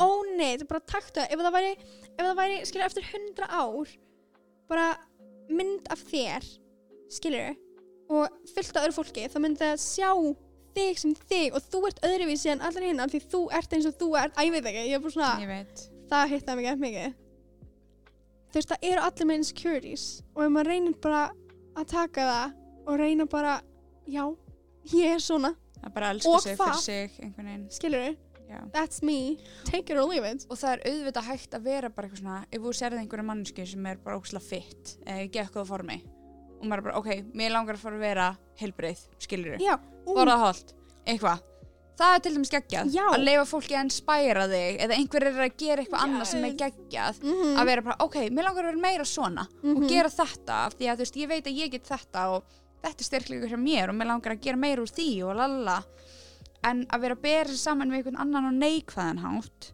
er bara er óholt, þetta er bara ógislega óholt og við gerum þetta of mikið og of oft. No joke. Andjóks don't be jealous, be inspired mm, period. Period. Ég held að það sé bara góð leið til að enda þessa samræði en þetta er gott. Ó já, já, já.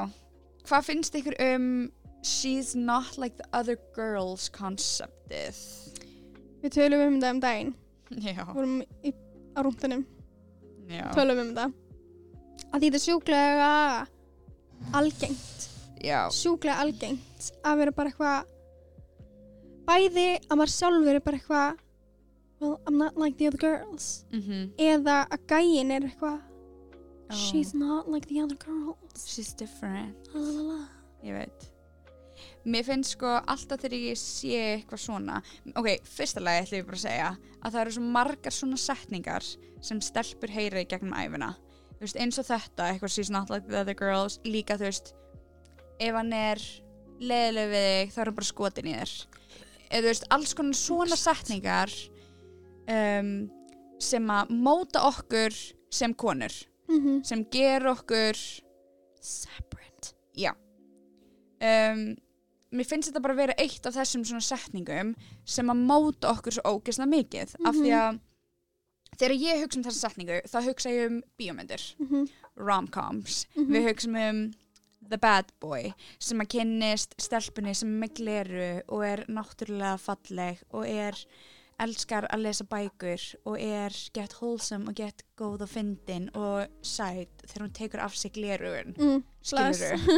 um, og hann er bara eitthvað vá, þú breyttir mér og gerði mig að góðum manni af því að þú ert not like the other girls Mhm. þú ert svo öðruvísi, þú ert svo góð og ert búin að styðja mig svo mikið og ert ekki uh, bara að hugsa um uh, make-up og að vera sætust eins og allar hinnar stelpunar. Skilurðu? Bless. alls konar svona hlutir Mhm. sem að bara make engan sens Mm. af því að þessi stelpa sem að hann, sem er svona not like the other girls hún er fyrsta lagi, skiluru er bara eins og við erum allar við Mhm. erum allar klárar Mhm. við erum allar fallegar, Mhm. við erum allar frábærar nákvæmlega eins og við erum. Við erum allar ólíkar en við erum samt alltaf ein heild skiluru mér er svo leiðilegt að setja eitthvað svona label á þessa típu. Og veistu, maður er alltaf eitthvað svona maður er alltaf að sjá eitthvað svona á TikTok eða eitthvað svona bara svona, oh, I'm not like the other girls af því ég ger þetta eða eitthvað svona.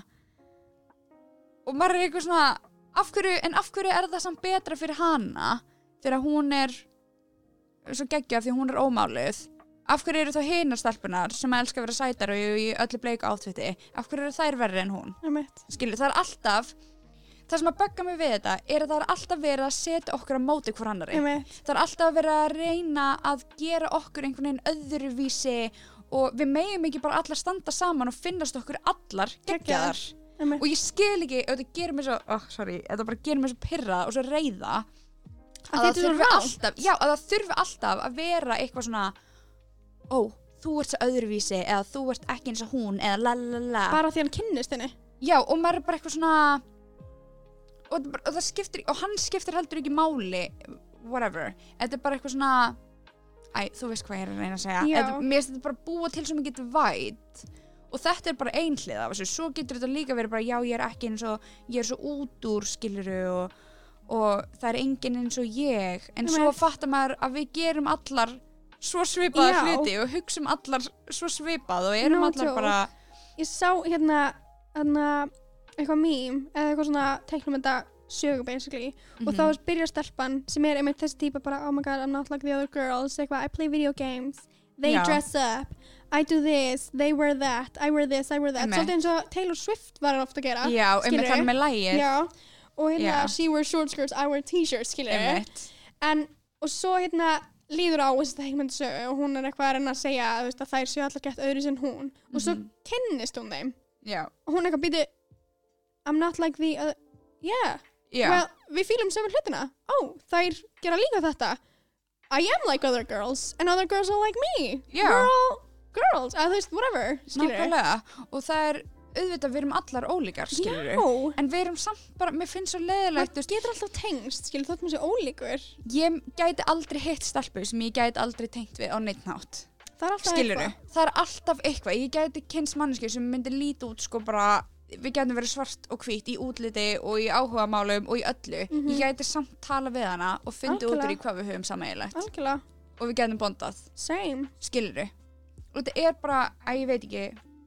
Stundum gefur maður ég held að þetta sé Oh, ástæðan okkur já. maður gefur ekki öðrum séns á að kynnast. Já, að við erum búin að dæma því að skilur bara því að hann er með bleikt hár Mhm. að þá ertu bara nei, ok, við hefum ekkert samanlegt skilur mér finnst þetta bara búa til svo mikið eitthvað svona divide, já, skilur ekki jákvæð þegar við ættum bara allar að standa saman og vera bara við erum allar bara Geggjaðar eins og stelpur við erum. eins og við erum allar ólíkar en allar ein heild, mm skilur og, bara, Og- og bara manneskjur líka skilur og ég skil 100% pointið á þessum myndum skilur að sína stelpur sem eru ekki into skilur þetta stereotypiska stelpu eitthvað, Mhm. stelpu heim að þær séu líka frábærar og allt þannig en mér finnst það alltaf vera að taka frá einhverjum já, öðrum, Já. skilur að því að mér finnst eins og þú veist svona myndir gera líka sem eða, þetta gleymist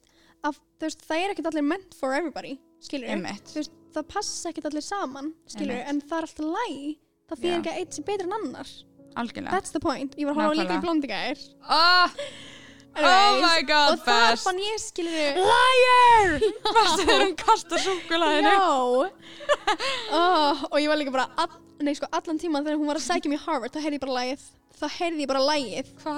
What you want what, What you want is from me. me But ég you bara- need to see me in a brand new domain No, it's plain Ég, er- ég, oh. Já, þú veist, og ég og Tinna vorum alltaf bara eftir, nei sko, eftir hverja eins setningu sem kom sem var í læginu, ég bara, Já og við vorum bara, já. En ok, og það, Bruiser en af því að ég tengi alveg mjög mikið við hana, skilur þú? Já. Að við erum bara svona, skilur þú?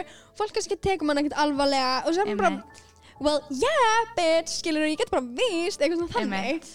Og ég veit ekki, mér finnst að setja svo mikið í hena að því að svona stelpur er alltaf gett leiðilegar og vondar í öllum myndum Einmitt en setja Já. þessa gælu í góða og svo er hinn hann sem að vera kærastan hans Warners. Já, hún er gett bitchy fyrst og svo verða þær bara besti vingunar he Einmitt. loses Nákvæmlega. he was a shitbag En það er líka, mér fannst það svo gott Já. að hún verður svo vinkunum Já. skilur að ekki enda myndina þannig að hún er bara eitthvað svona ógstæða Nei. leiðileg í gráum fötum já, skilur af því að hún er líka geggið eins og hún er. Já, Ah. að þetta endar þannig að þeir eru báðar jafnar og skilur og líka báðar tvö.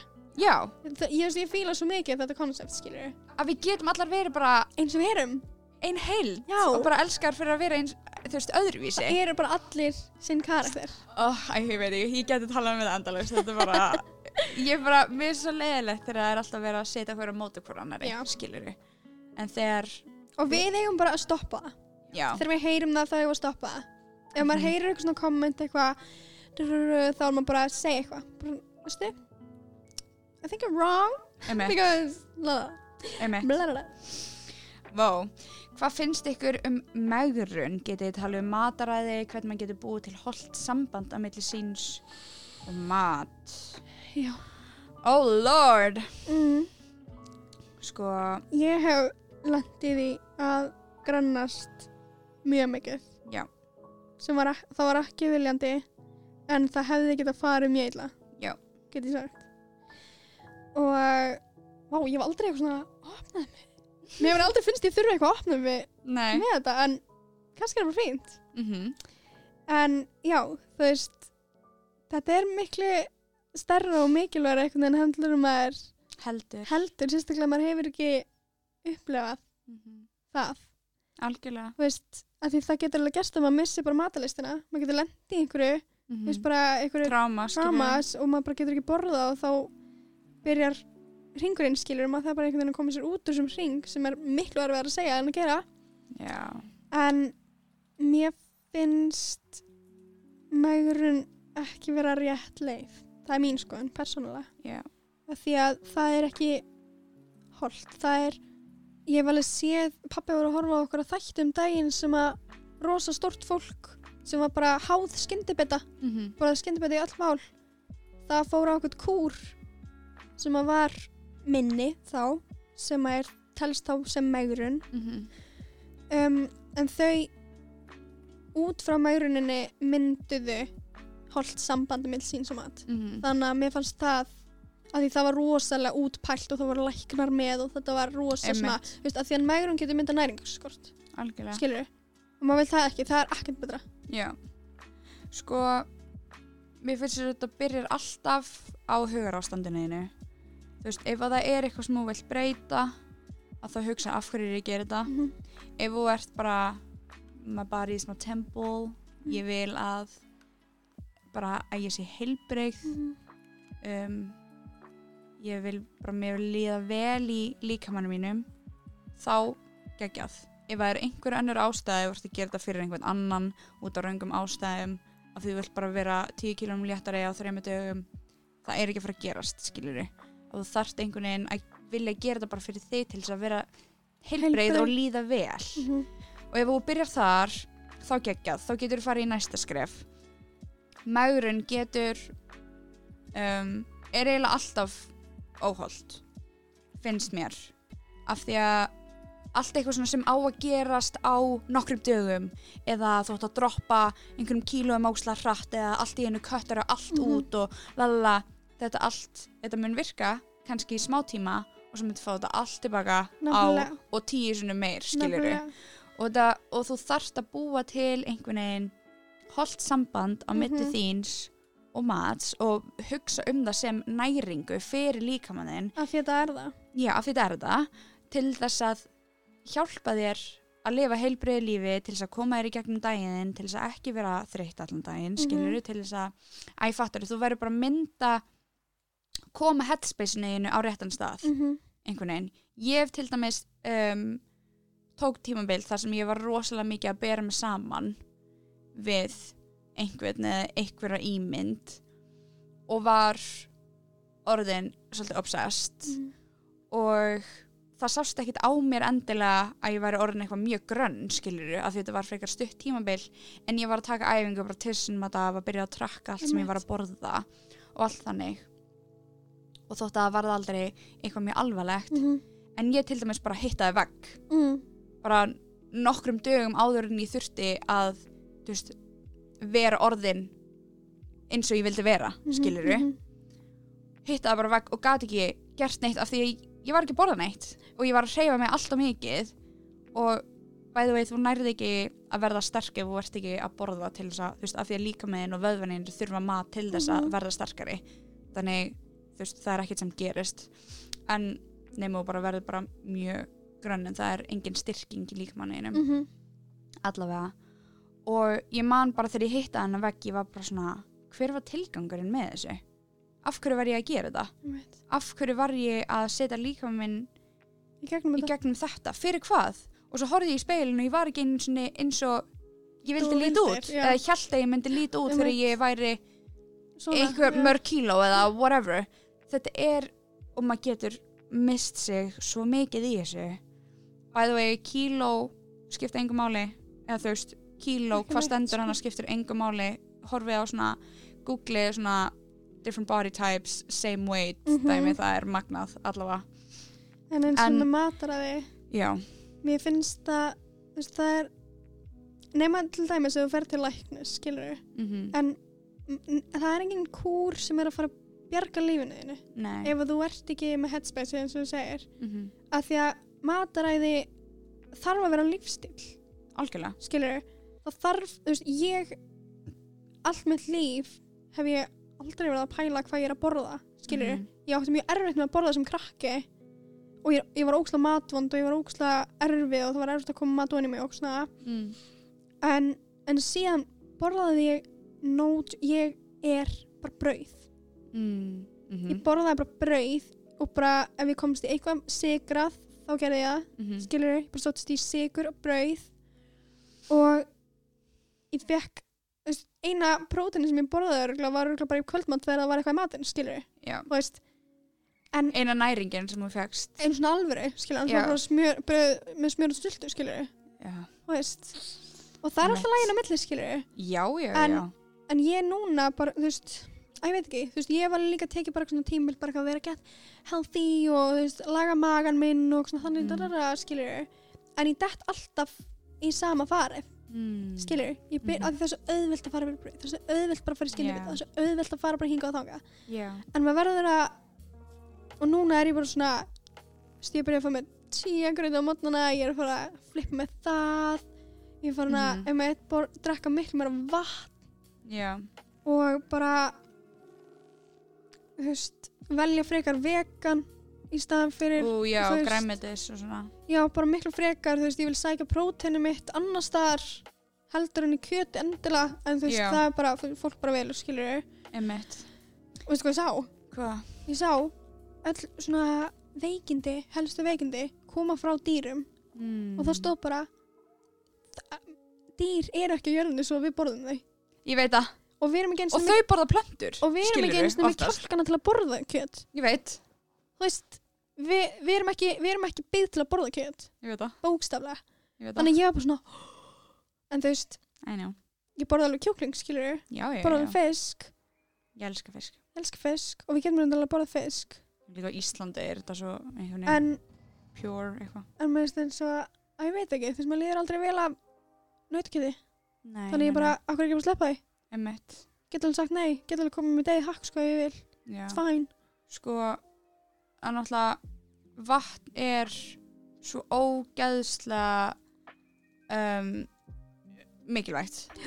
Vatn er bara þú veist, það er ástæða fyrir af hverju fólk segir bara draktu 15.000 lítra vatni á dag, Já. skiluru af því það bara gerir svo mikið. Mm um, meldingin okkar er sendirinn á líkamannum -hmm. hann leiðir inn í allt annað skiluru, Mhm. bara hausverki húðin þín, skiluru hvernig hæðirnar. Já, í alvörinu, hvernig bara beinin þín og vöðvaninnar, neglunar, allt hárið mm Mhm. meldingin er bókstaflega miðjan á líkamanniðinum og ef hún er í fokki þá er eiginlega allt annað í fokki. Nefnilega.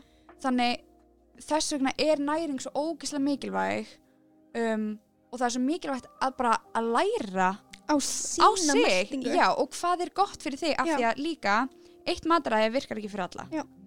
þú getur verið vegan í 20 ár og svo fatta bara er, ég, þetta bara virkar ekki fyrir mig skiluru, eða whatever skiluru no joke. Og þú verður bara að finna það sem virkar fyrir þig. Mm en það er bara svo mikilvægt að læra þú veist, fræða sig um Já. hvað er gott þú veist, af hverju er ég að setja trefjar í líkamann minn af hverju er ég, þarf ég vítamin af hverju. Einmitt. þarf ég, af hverju á ég að borða kjöt af hverju á ég ekki að borða kjöt -hmm. þú veist, bara gefa sér smá tíma til þess að læra af því að í alvörunni þetta breytir lífiðinu þegar þú ert að koma vel fram við líkamæðin no joke. Það er bara fáránlegt skiluru og þegar fólk er einmitt að reyna að léttast já, þá byrjar það kannski bara að fara í eitt fyrir ræktina hverjum einsta degi í mánuð og sér ekki neitt mun Mhm. það er af því þau eru ekki búin að breyta mataræðinu það er, það, það mataræði að allir 70% mataræði 70% þú getur í alvörinni ekki sko staðið upp af raskataninu en borðað Já. og þú mynd þér mun ganga, ganga betur. Og þeim er liða betur. Og þér mun líða betur. Það er auðvitað best að gera bæði, en ef þú þarfst að velja þá er mataræði miklu, Miklu miklu, mikilvægara. mikilvægara. Eitt sem ég segi líka að fara í ofnæmispröfu Ó, já, er ógeðslega mikilvægt Já, til þess já, að já. finna rétta mataræði fyrir sig. Einmitt. ég hef til dæmis alltaf vita að ég var með nikkelóna mig fyrir skarkripum og síðan fattaði ég að það er fullt af nikkel í alls konar mat. Í mat. Einmitt. Og mér leið til dæmis aldrei það vel þegar ég var að borða spínat. Mm þú veist, amma mín og afi voru bara hvað stjáni, blái, eitthvað, hann borðaði veist, og ég, mér, mér finnst það bara ógislegt já, Þa, það er einmitt. Mér er aldrei vel nema ok, mér er aldrei vel eftir hann að hafragraut Ó. nema hann sem afi gerir. Veit ekki. En allir aðra hafragrautar finnst það bara Fyndið. og ég fæ alltaf vilt í maðan það er nikkelið í því.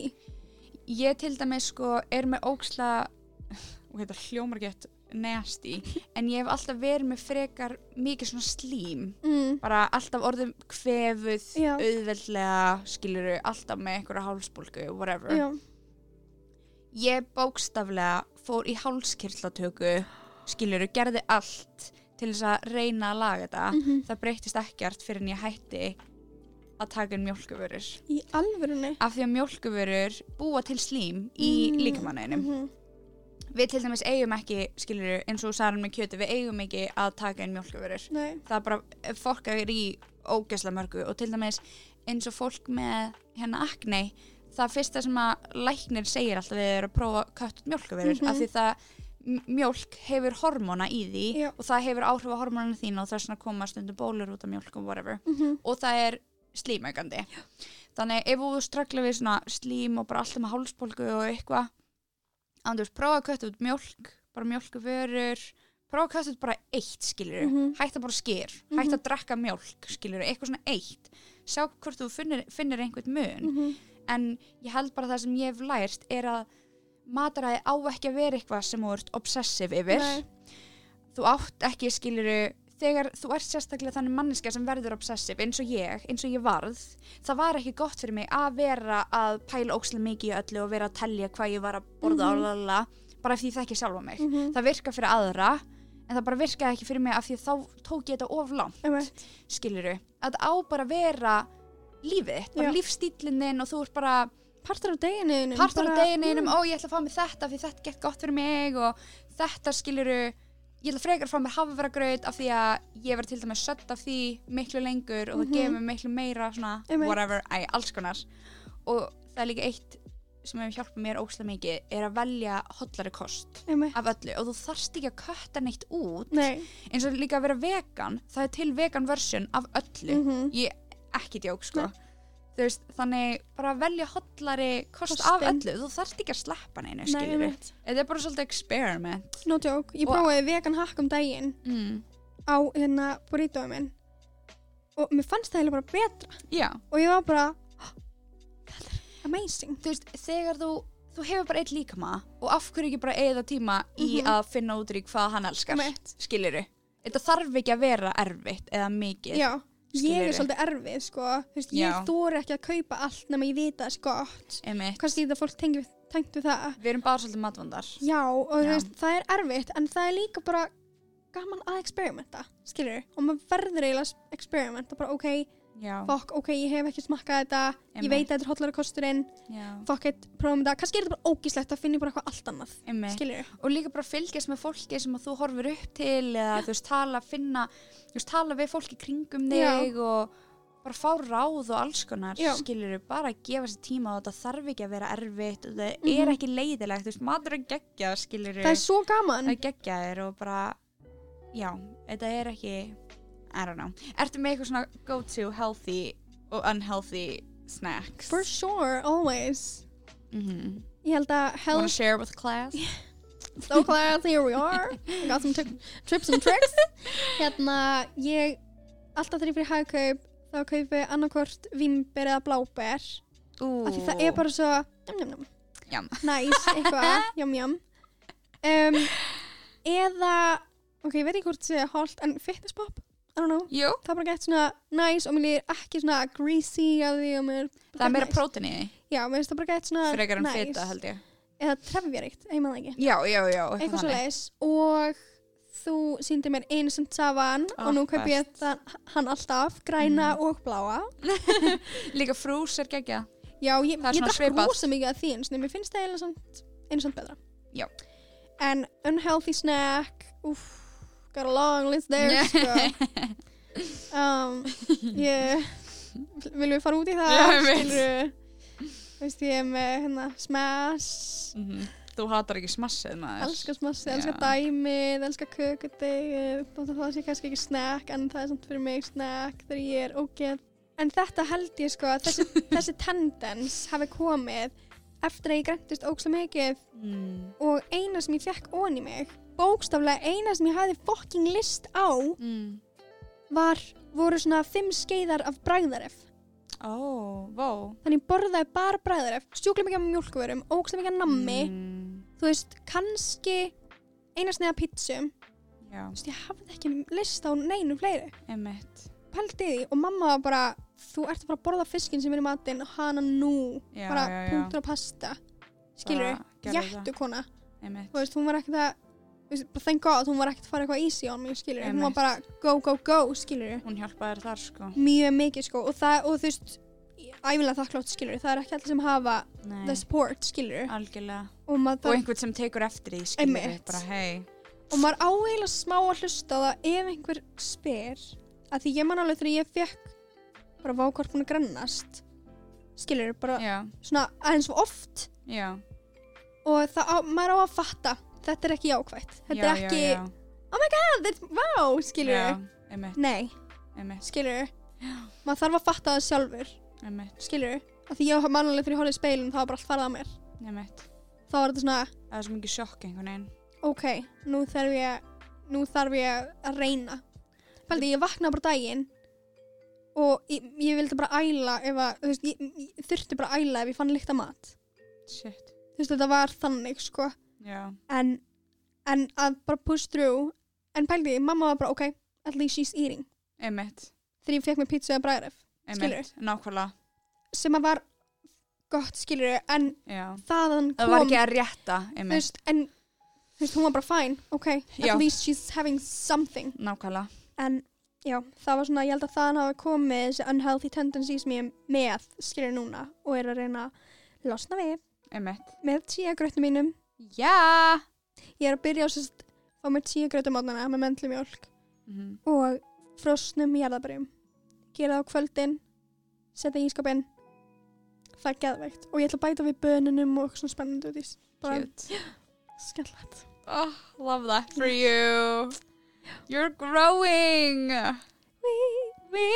En ég er bara að taka það hægt og rólega skilur af því það því hægt er eitthvað ok everybody yeah we're gonna go all the way like Af því Yeah. það er ekki sustainable. Nei, Þó, Þú það fer bara- nærð aldrei að halda því út neitt sko. líka minn fyrir bara sjokk. Já, Þú getur alveg þarf eins- bara hægt og rólega að Já, koma sér í gang því að, sko. ok, ég held að kannski tengi fólk við þetta þú veist, þegar maður byrjar á okkur prógrami og maður bara, ó, ég er búin að vera svo duglega í fimm dag svo einu bara byrjar maður að liða ógislega bara því að líka maður er sjokki.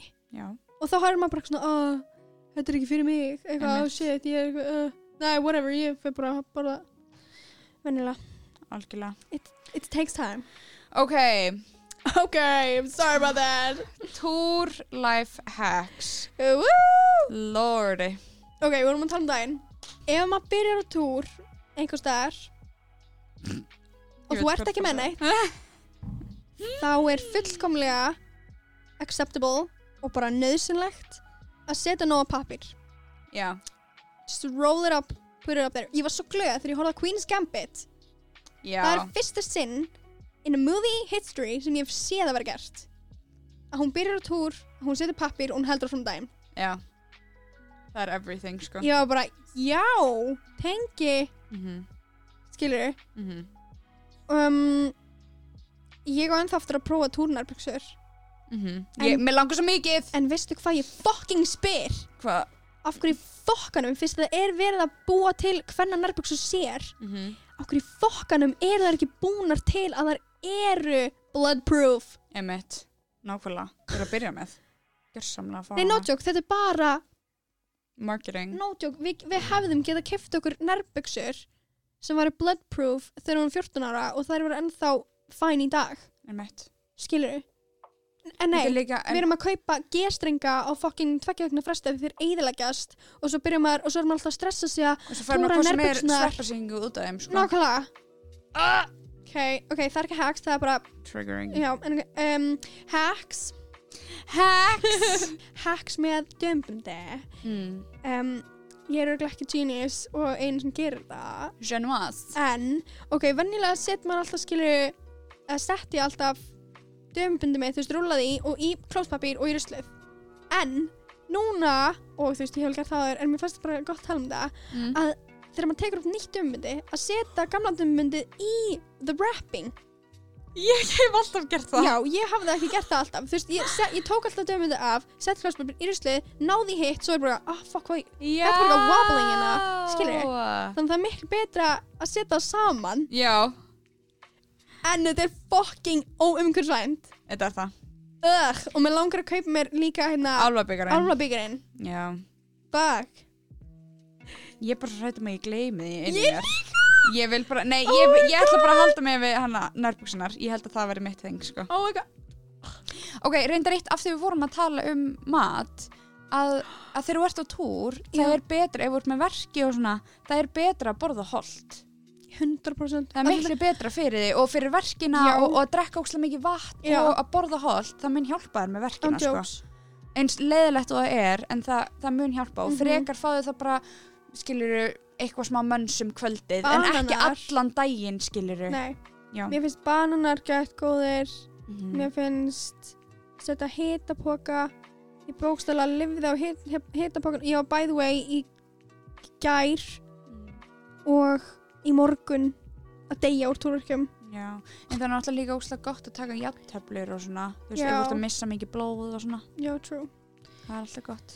en ég ætla hana ok, ég veit ekki hvort að fólk hafi séð hála mitt fyrir lengt séðan en ég Mm. kefti get cute svona hitapoka hann er svona bleikar fluffy. Já, hann er sætur og mér líður að ég sé með eitthvað svona hunda eitthvað hjá mér. Þannig að ég bara svona ah, hann er cute og ég mæli við bara að kaupa eitthvað cute því það er eitthvað leilt að vera með eitthvað ljótan skilur þótt það virkar. Það er smá skemmtilega með eitthvað flottan Já. er við ekki finnst þér að hjálpa mjög mikið? já, mér fannst það 100% og þú veist, ég er nýfarn að það er svona tvö ár síðan ég byrjaði almennilega að tekið töflur Já, og mér finnst verkjalið hjálpa mér oftast bara mjög mikið mér líka.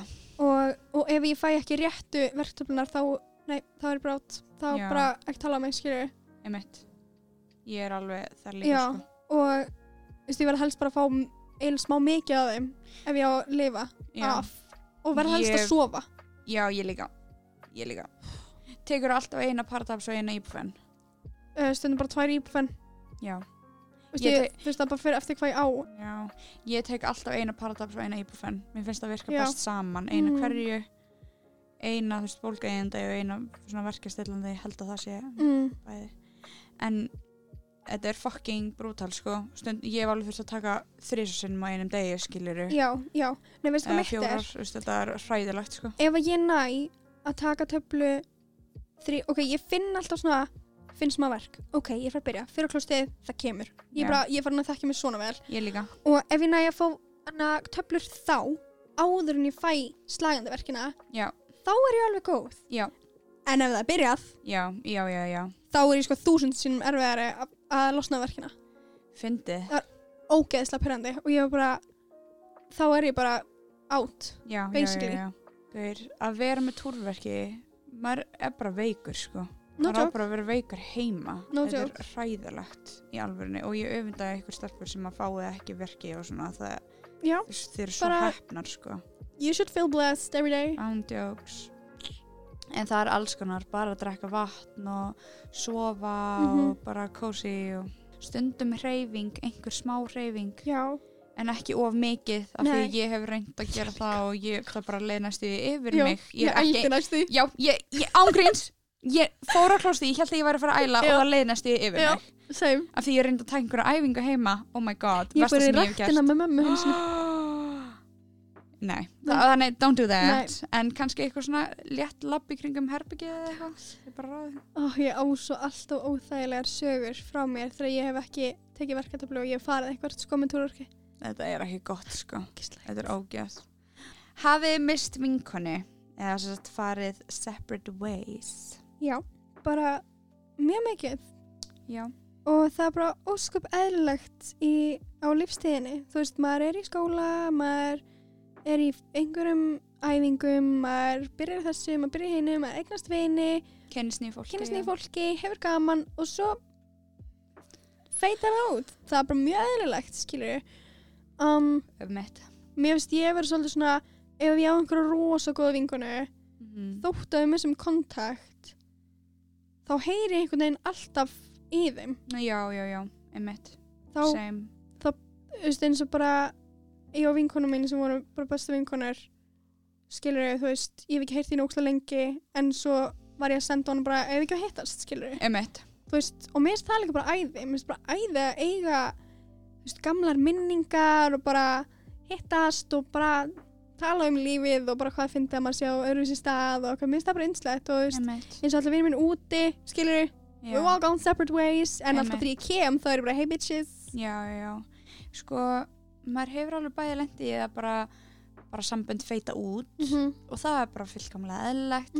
En svo hefur maður líka lendi þú veist, kannski að eitthvað gerist og, já, og maður hefur mist vinkonu. En ég hef líka lendi að ég hef mist vinkonu og svo eignast hann aftur já. skiluru og hefum náða að laga mm út frá því eða þú veist bara Já. laga það sem gerðist. Þannig já, bara allt einhvern veginn á milli heimins og jarðar ég hef allt sökkar, sumt meir en annað en já. If it's meant to be, it will be skiluru Ég hef loppað frá toxic vinskap. um eitt, það líka. Þannig ég veit ég, mér finnst þess að vináttur eru eitthvað sem þú þarfst að vinna í. Og ef það er ekki heilbreytt þá er það ekki heilbreytt. Þá er það ekki meant to be. Ef það er ekki meant to be þá are you better off without it, skilur Það þarf að vera gaman. Það þarf að vera gaman. Vinir er eitthvað sem þú velur. já, þannig veldur vel. Um, ó. Hvað værið þið til ég að segja við yngri ykkur? Sko, það væri náttúrulega svolítið margt. Þú veist, ef ég fengi klukktíma með litlu mér, hún myndi bara drita. drita hana. En ég, ég myndi örgulega segja það sem þú ert að hugsa, það sem þú ert með í hausnum að þér, það make a sense, gerðu það, skilur Mhm. go for it, ekki vera hrætt, skilur Mhm. ekki, ekki vera svo eina sem er að stoppa þig. Mhm. og ekki í þessum fucking strákum þeir skipta ekki máli. Ég myndi segja það. Ég held ef ég myndi reyna að segja eitthvað við mig þegar ég var ung ég, litla ég, myndi ekki hlusta á gamlu ég. En af því ég var svo þrjósk en ég myndi örugglega segja að að þú verður fara að landa í alls konar crazy dæmi. Og í mómentinu myndi halda að þetta sé bara the end of the world. En það er það ekki. Mm. ég myndi segja að þú ert miklu starkari en þú heldur miklu hurakkar en þú heldur. Þú ert miklu betri einstaklingur skilur, miklu betri mannski en þú heldur. Mm.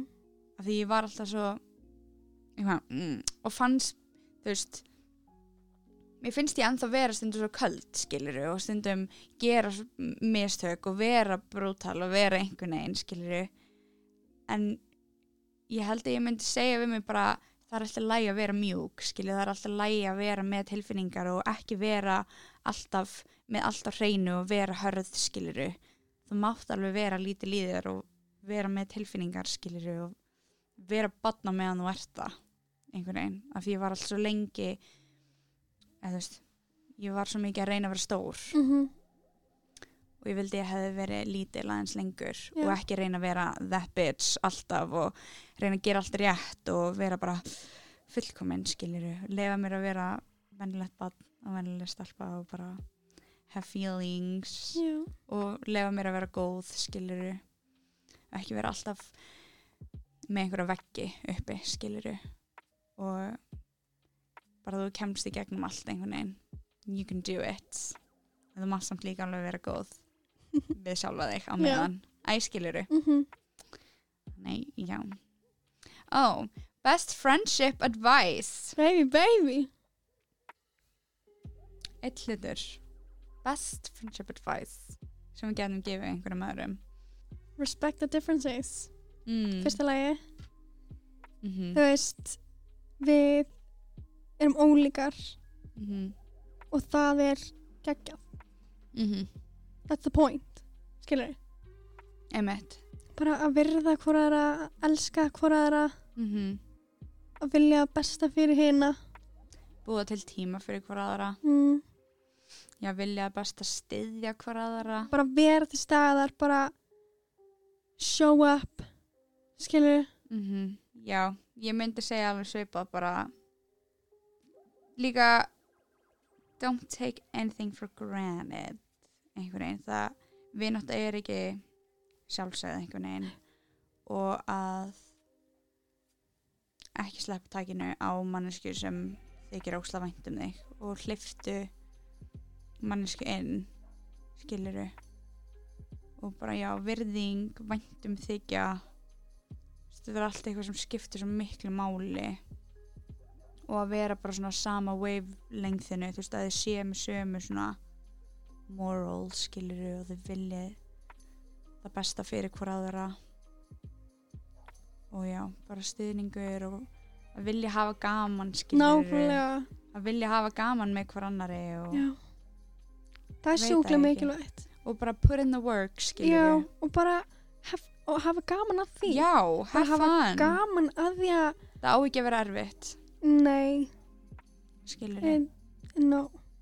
það er að stundum en þá á ekki að vera það alltaf fattarðu? Og þegar það verður erfitt, að þá bara tölum um það. já, skilurðu? þá er the real test Já. skiluru Að þetta, því- þetta á alveg að vera erfitt þetta á bara ekki að vera vond skiluru þetta getur verið En þú erfitt veist, það þarf- köflum og því það þarf ekki að vera er, og það verður ekki erfitt ef að báðir aðilar eru tilbúinir Já. að bara setja niður og tala. Einmitt, þá verður það ekki erfitt. Einmitt. Ég held bara ef að væntum þykja nýrana til staðar -hmm. og virðing þá kemst maður í gegnum allt einhvern veginn. Maður á bara umkringið sig með fólki sem að vill að besta fyrir mann og læta manni liða vel og maður hefur gaman með. Já, og getur treyst. Algjörlega. Og mér finnst eins og ef einhver er á bestu vini sem að er ekki að gefa manni það mm skilur þá er kannski þarf maður aðeins að pæla true, með hverju maður umkringið sig. Algjörlega. Ok, hvað er mest guð. spennandi hlutur sem þið hafi gert í lífinu? Eitthvað klikkað eins og fallið var stökk? I wish, oh my Same. god. Það er eina sem ég þor ekki og langar fokk mig að gera í lífinu. Fallega steg líka. Oh my god, ég hef hlaupið frá strút sem er elda mig. Já, það er þetta crazy. Það er klikkað Lol, í Suður Afríku það er fáránlegt. Ú, ég veit hvað ég hef gert klikkað. Mm? ég hef klifrað upp á krana. Shit, já. Og ég stóð á höndum Þú hefur uppi gert á krana og það er myndað því á Instagram. Það er fucking klikkað. Það er í alveg klikkað. Hvað er eitthvað klikkað sem ég hef gert? Ég hef búið til podcast. Ég hef búið til síningu ég hef flutt svona Oh God. þúsundum. Bono. Ég hef hitt Bono. Ég hef lifa crazy lífi sko en það er ekkert eitthvað substantial ég hef, craziness þannig séð skiliru ég hef farið til mismunandi landa. Já, Ég ég hef farið til Vietnams Já, það er andum as fuck. Ég hef farið á mjög nælinski hæli. Það er geðveikt best advice from mom or dad? I like this one. Mamma og pappi eru ekki mikið eitthvað svona best advice. En mér finnst þess að ég læri bara ósla mikið þegar þau tala við mig um eitthvað ákveðið skiluru mm. en ég held bara að trúða sjálfa þig. Er úsla stórt. Bara eitthvað svona og þetta er náttúrulega svo klísé en bara andjóks believe in yourself. Af því að ef þú gerir það ekki hver á að gera það fyrir þig skilur bara treyst á sjálfa þig og Mhm. bara þú getur þetta einhvern veginn Já. bara þú ángríns þú bara 150% getur þetta gerði þetta bara, Mhm. getur þetta og ég hef alltaf getið þetta skilur allt sem ég sagði ég geti gert, gerði ég einhvern veginn og það er já ég er glöð að þau segja mér það. En svo annað en það eru þau bara svona fyrirmyndir skiluru og ég tek frá þeirra lífi og upplifum skiluru bara inn í mitt líf alls konar hluti Mhm. skiluru það er meira svona þannig.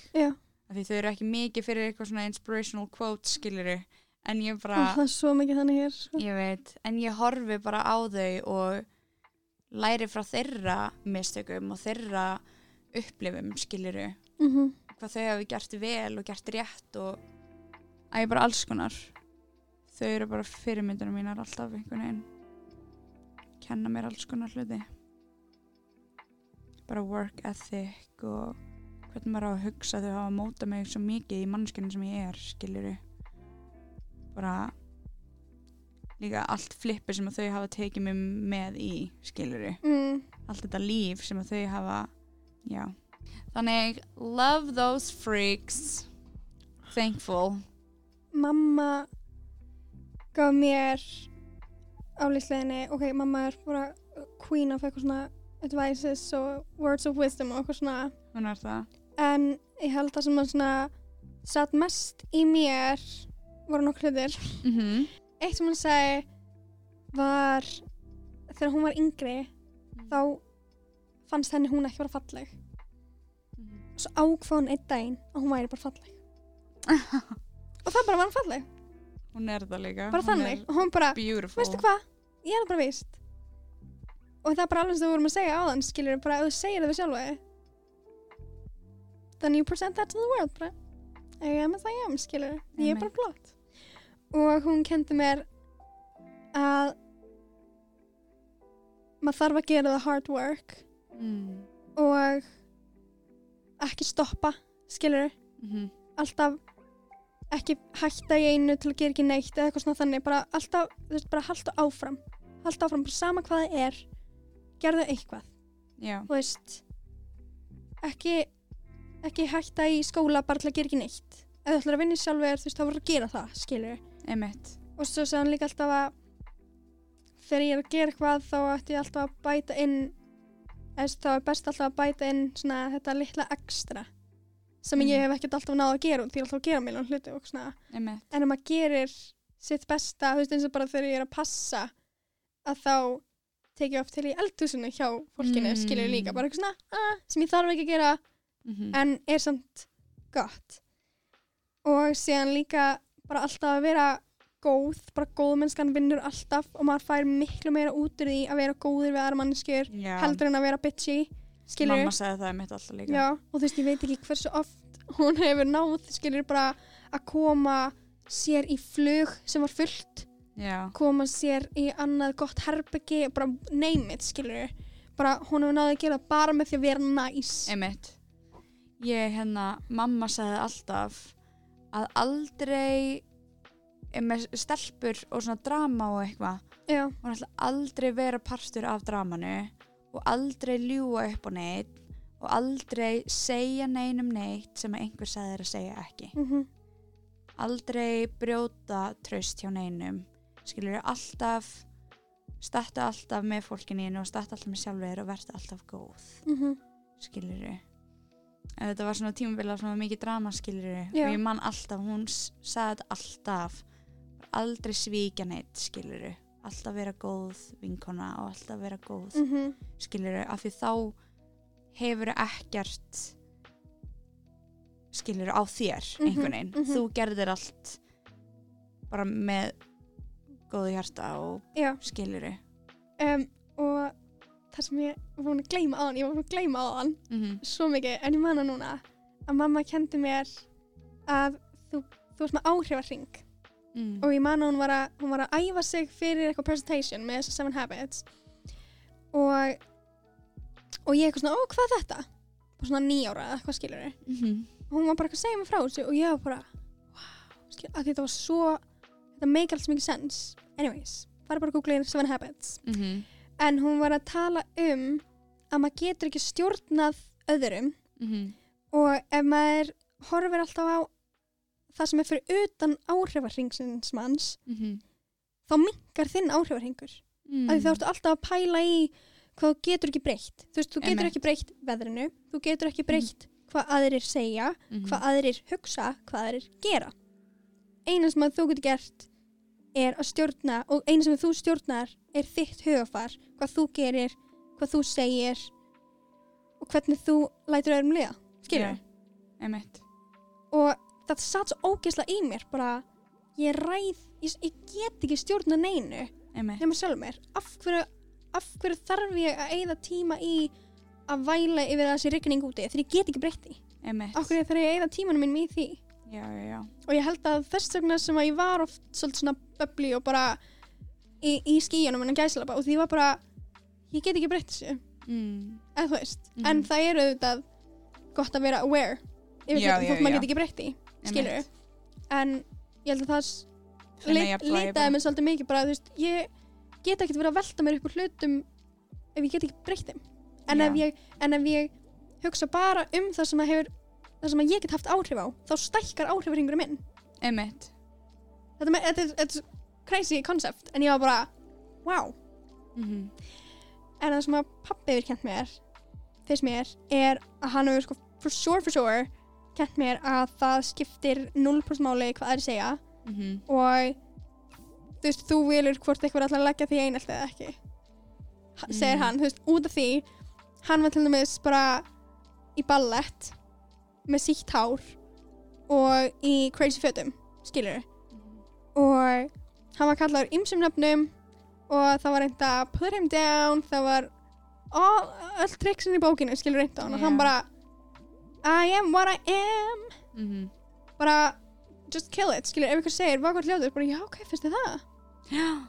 what, Einmitt. hvað hva, hva ætlum þau að gera, skilur Já, já, já. ef þú bara, ef þú bara skýtur þetta niður skilur, Einmitt. í stæðan fyrir að taka þetta inn, að reyna að bara Einmitt. það hefur ekki áhrif á mig, skilur, af því ég veit hvað ég er það litaði mig mjög mikið og líka að hafa gaman pappi er alltaf veist þið Hann er ógeðsla fyndin í alvörinni. Hann er bara svona gleði bomba. Þú færð það mjög mikið frá honum. Já. Og þú veist bara, mér finnst bara fólkið mínir að gefa mér sjúklega mikið sem móta mig. Svo mikið. Og mér finnst því sem þú bara vera tótal blanda af þeim. Bara Mér finnst það líka. Þau eru bæði frábær. þakklátt fyrir það. Um, þrýr hlutir sem ég myndi taka með ykkur á eyðegi. Goodness gracious. Ég myndi taka með mig sólavörð. Um, vá, ég var að fara að segja because I burn like a peach en það er ekki það, það er because I bruise like a peach I'm sure. Hjálp! Nei, ég brenn mjög auðvitað það er óslálega legt þannig ég myndi taka með mér 10 lítra af sólverð svo ég geti fengið a nice even tan, you know svo myndi ég taka með mér hátalara og tónlist einhvers konar tónlist af því ég er að klikka ef ég hef ekki tónlist og svo myndi ég taka einhverja mannesku með mér Mm. svo ég er líka ekki klikkuð út af því en reyndar ef ég hef mannesku þá þarf ég ekki tónlist Mm. en ég verð ein þá þarf ég tónlist Já. ok, þannig að það er svona eiginlega eitt annarkvort manneski eða tónlist og svo þriðja eitthvað svona useful, skilur Mm -hmm. eitthvað svona til að búa til eld eða einhvern bát eða Mm. skilur eitthvað Ok, ok. Ég held að ég hafi meira hugsað þetta sem svona, segjum að það væri, þú veist, það væri til tré sem ég geti gert eldur og ég gæti búið Mhm. skjól og svona þannig. mm En ég held svona, ég held að ég hef sett það á Instagram eitthvað fyrir löngu. Ég var bara að pæla í. því. En ég held að ég myndi vilja taka með mér piano. wow Ég myndi vilja taka með mér dagbók. mm Og ég myndi vilja taka með mér svona til að mála. Skilur? fíla Já, strika eða eitthvað. þannig að þú ert bara you're on a vacation, sweetie Basically, skilur. Þú veist, þá myndi mér, þá, liða þá vel, geti ég, skilur, spilað og sungið. Geti skrifið dagbókina. Ég geti málað. emitt ég fíla það mjög mikið Já, við þurfum eiginlega bara að fara báðar á skilur eyðvegu, á eyðegi verður senn. já Og þú náttúrulega fegst að taka mig, skilur, sem manneskuna. mhm Emmett. Og þá getur líka býta eitthvað út fyrir hátalaran og því ég með Já, ok, þá get ég haft hérna ég fá Netflix Ég skal bara leika fyrir þig. Já, að þú tókst allt svona eitthvað fyrir atriði Ég skal vera Ég- með leikrit fyrir þig hverju kvöldi, Helga. Ok, ég tek þá með mér teppi Ég tek teppi Við getum useful. teppi. Úr hverju? Fucking grassi og eitthvað, ég veit það ekki. Everything. Ég ætla, að Blómur. taka, ég ætla að taka teppi og kotta Sure. Just for some luxury you Og know. þú bara liggur þarna með sólaröfnuna þína og meðan ég er að gera allt leikritið. Og ég bara, oh, this is life Þú ert bara, bara að syngja fyrir mig Já. og ég er bara að tana Þú oh. svona kemur inn í dúet af og til. Við þurfum að fara til útlanda allavega Fuck já. Ok, síðasta spurningi fyrir tvær tvítur og tíndar serju 1 Hvernig lítur drauma framtíðin ykkar út, career og persónulega? Ég hef pælt í þessu. Ok. Ef ég ætti að segja my dream life. Ok, ég er 50 Já, og ég bý á Bali ú, og ég á daginn er ég að mála, mhm, ég er að skrifa, ég er að um, kenna börnum í Bali. mhm, Við erum að surfa. Ég er 50 að surfa mhm, og við erum alltaf að taka til á ströndinni. Ströndin okkar er einn hreinasta ströndin í heiminum og við erum alltaf að taka, mhm. og, og ég er með stúdíu og ég er að syngja og ég har fullt af hundum. Mhm. Það var svona búa og bara tana og við erum bara að njóta. Það er um að lífið. Selja málverk og fá spilin í útvarpi. Mhm, Geta að lifa á því. Emmett. Það er svona imaginary land. Ég er alveg þar líka sko. Mhm. Ef ég er í Imaginary Land þá er ég bara á strönd og gera eitthvað geggjað, creative. Eða búið Greiklandi eða eitthvað. Ég, ég myndi átt náttúrulega alltaf líf fara þangað alls sömur, já, Til Ítalíu og auðvitað. Greiklands og sigla og eitthvað svona, skilur. Sure. En ef ég er eitthvað svona drauma realistic mm, þá hugsa ég alltaf London. Ú, um, í einhverju geggjaðar íbúð eða úslega fallegu húsi sem ég er búin að hanna sjálf væntanlega. Mhm, og ég fer samt alltaf svona á sumrin og nokkur sinnum á ári til Greiklands af því ég á sumarhús þar skilur já, já, já, obviously. eða, Og ég eða í bora bora skilur, já Mhm. og það er alltaf svona, já, Mhm. allir koma þangað. Mhm, og ég er bara að vinna við eitthvað listrænt annarkvært tengt tísku eða leiklist eða eitthvað. Og ég er bara eitthvað living my best life. Mm, og ég er gett fulfilled skilur mhm, en mér líður eins og ég gera eitthvað sem skiptir óslega miklu máli Já. af því það er svo mikið fyrir mig.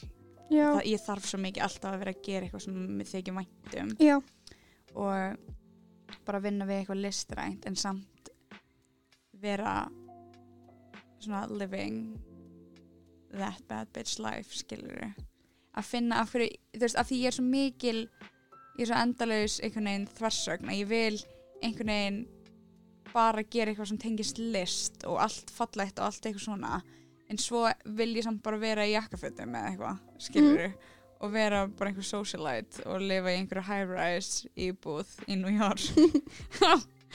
Skilur og me þetta meikar engan sens en einhvern veginn að finna jafnvæði á ástriðu minni en Mhm. samt líka stengitinni skilur já, einhvern veginn finna jafnvægi eða ég er bara að mér líði vel en ég er samt bara heilur minn er endalust í einhverju creative mhm, flow en ég er samt stabíl skilur já, og ég er senn og er einhver businessmaður eins og hann mun vera. Og svo á ég hund. Kannski einhver börn ef að I feel so generous To the world. um, Here you go, ekki. you can have more of me if you Já, want. sure En bara um liði vel Já. einhvern veginn og ég er að gera eitthvað sem skipt máli og ég er heilbreið og allir kring mig eru heilbreiðir og glaðir og ég fæ að fara í frí til Greiklands og Ítalíu Mhm. og Bora Bora Fokk, við verðum að fara til og Greiklands. Asja Ég held að eitthvað sem ég hef alltaf verið að horfa á er og þú ert þannig obviously. Ég held að mér hefur alltaf langað til eða svona bæði draumur og þú veist, má reyna er að bara geta séð fyrir mér með því að gefa tónlist og performa mér finnst Mhm. ógeðslega gaman að performa um, og að stopna munaðlenski hali bara síðan ég fór á munaðlenski halið þú veist, ég hugsa um það bara daglega og mér hefur alltaf langað til að stopna skóla eða stopna munaðlenski hali eða Einmitt. gera eitthvað fyrir framtíðina, þá börnin, skilur við mm -hmm. þú veist, gefa, þeim ást gefa Mér langar að vera aktivisti. Já, vera paltur fullt af svona organizations. Ég held að það veri geðveikt. En ég held að ég vilja bara geta svona mér langar að geta mikið mér langar alveg að vinna mikið svona núna næstu 20 árum, skilur mm. og bara reyna að komast á okkur staði sem að mér dreymir um, skilur reyna að 100% achieve some goals bara have fun, bara make memories. Og síðan langar mér bara að switcha mm. um 50 og bara búa okkur gett friðsamum stað.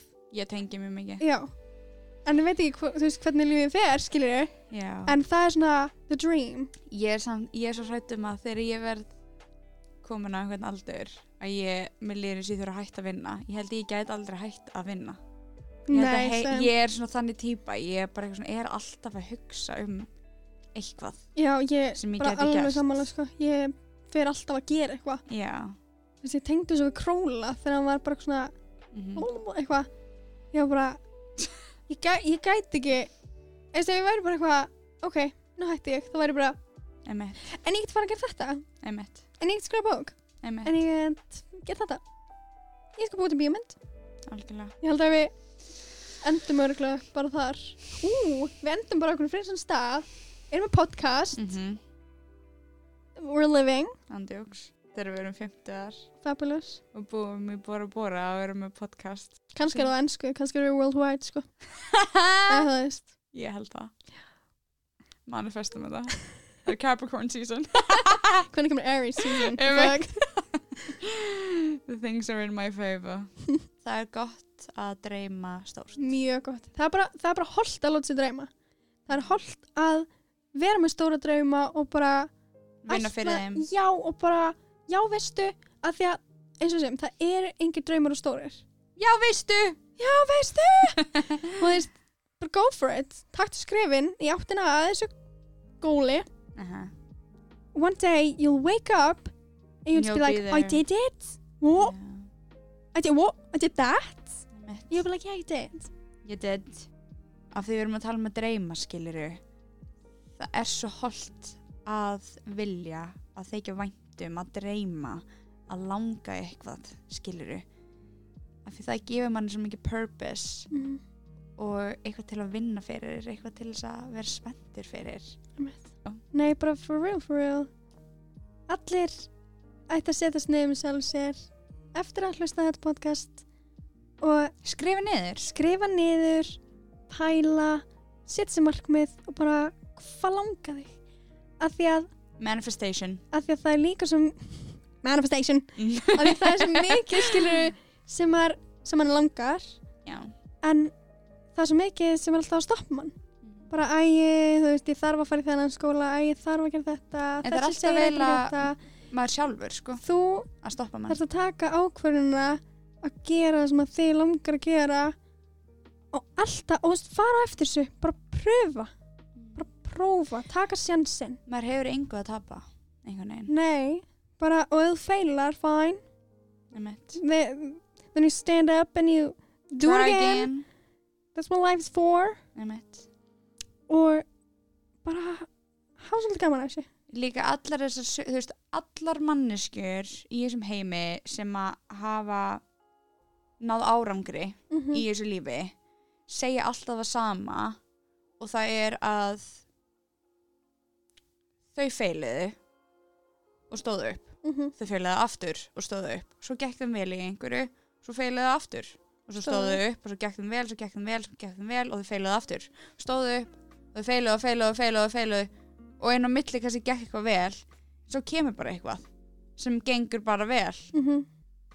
og það getur líka feilað. Mm -hmm. en svo heldur það áfram að ganga vel.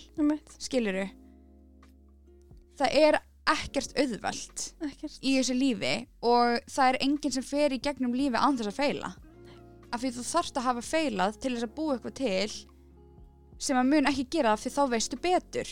Og ef þú heldur að hafa ekki feilað inn og þú finnst þér ekki gera þetta rátt þá ertu ekki að gera neitt. then you might be a narcissist. En þá ertu ekki að gera neitt sem er að skiluru give it value eða þú ert ekki já, no sem er að augra þér skiluru þú veist til þess að eitthvað virki þá þarfst að vita hvað virkar. Mhm. og þú veist ekki hvað virkar nema þú prófir nema þú veist ekki, já, hvað feilar og Já. hvað æskiluru Mhm. þú serð aldrei eftir því að hafa tekið sens og prófa eitthvað, þú mynd bara sjá eftir því að hafa ekki gert að það. Hafa ekki gert það, hafa ekki tekið sjansinn og við vitum öll, þú veist. Alveg svo með þannan podcast mm. alveg svo með þetta podcast þá tókum við sens Mm og við sjáum ekki eftir því. Nei, alls ekki og við erum svo þakkláttar fyrir allt. Og allt sem að við hefum lært og hvað þetta hefur gefið okkur og fyrir framtíðinu oh my god, ég var að horfa á Meet the Robinsons um daginn. Mm. og hann var alltaf að segja eitthvað svona keep moving forward. Keep moving forward. Já. og þá var akkurat bara með það, þú veist. Just keep swimming just keep þú veist, ef swimming. þú feilar bara keep moving forward, bara ekki gefast upp. Emmett og þú getur ekki bleima neitt annan for your mistakes. Mm -hmm. finnst það sjúklega mikilvægt. Þú getur alltaf, þú getur endalist verið að ringi bara ó ég væri miklu meira svona ef að mamma mín hefði bara gert þetta eða ef að ég hefði fengið þetta eða ef að þessi mannskja hefði ekki hætt með mér þá er ég svona eða whatever. Maður getur endalist blame the world for all your mistakes. En ef þú bara ónar þetta og heldur áfram með þitt þá getur ekki stoppað þig. Mm -hmm. 100% Ég elskar að við erum svona miklir motivational speakers en svo erum við sjálfar bara eitthvað we are not. Stundum. Well, það er bara eðlilegt. Mm -hmm. but we are not Nei, það er líka mikilvægt að gefa sjálf sér kredit. 100% En við erum stundum blá og það er alltaf læg en mamma, Það er það. en mamma, mamma, mamma, mamma má ekki Mamma, mamma, mamma mamma má ekki dvelja í því að vera bara bla. Að það vera bara bla endalaust? No, Nei, það er alltaf læg að taka sér daga vera bla, Mhm. stand up and be a blue. There we go. Það er mjög gott. Ég held að það sé bara mjög góð leið til þess að enda þessa serju Af hverju að vera blá þegar við Þau getur verið blue. Takk fyrir að hlusta á okkur. Þið eruð wonderful. Takk fyrir að eigða tímanum ykkar í okkur einhver þökkt tímann. ykkur er þetta búið að vera líka crazy journey og skemmtilegt. Og I'm gonna miss you all we'll miss you. En ekki að vera vænta. We'll be back. In a Mhm. flash. We will be back when you least expect it. Soon whenever. Mm guys this shit this shit show ain't done It ain't. It ain't done yet? I think we ain't done yet. En bara indis óskir fyrir komandi ári. Og we love you. Við hlakkum til að sjá okkur aftur. Og endilega ef þið er ekki búin að horfa nei hlusta á okkur þætti. Guys, Now's your chance. Now's your chance. You got some time. Verðum að segja að þetta er alveg quality content. And every single show is a quality content Ég er óksla stolt af okkur og af öllu sem við erum búin að gera. Mm og ég hlakka til að halda áfram að vera business partners throughout life í einhverju flippi sem enginn engin vil sjá. Nei, við erum bara þú veist, ég hlakka til að, líka bara til að eða lífinu saman Why are you so obsessed with me? Hvað? Nei, líka bara þú veist, að því að we got a lot to learn. Mm við erum ennþá bara einstaklingar að vaksa, skilur við eigum eftir að verða heil stiftir einstaklingar, pældi því. Við erum ennþá bara tvítar og tíndar sko Mhm. Kæra vinkona. Við erum bara að fara í gegnum lífið bara one ble and one at a time. Yeah. About to be the blue we're about to become blue. Yeah. We're gonna miss y'all and we can't wait to see you maybe one day. Og takk fyrir að gefa okkur tíman ykkar. Takk fyrir að gefa okkur sjans og þið eru búin að hjálpa okkur. Vonandi ég mikið og við erum búin að hjálpa ykkur með eitthvað. Já. og ég elska þess eitthvað I love you Helgi. Hlakka til að the most. vera your partner in crime. Forever. Forever and ever you ain't getting rid of me.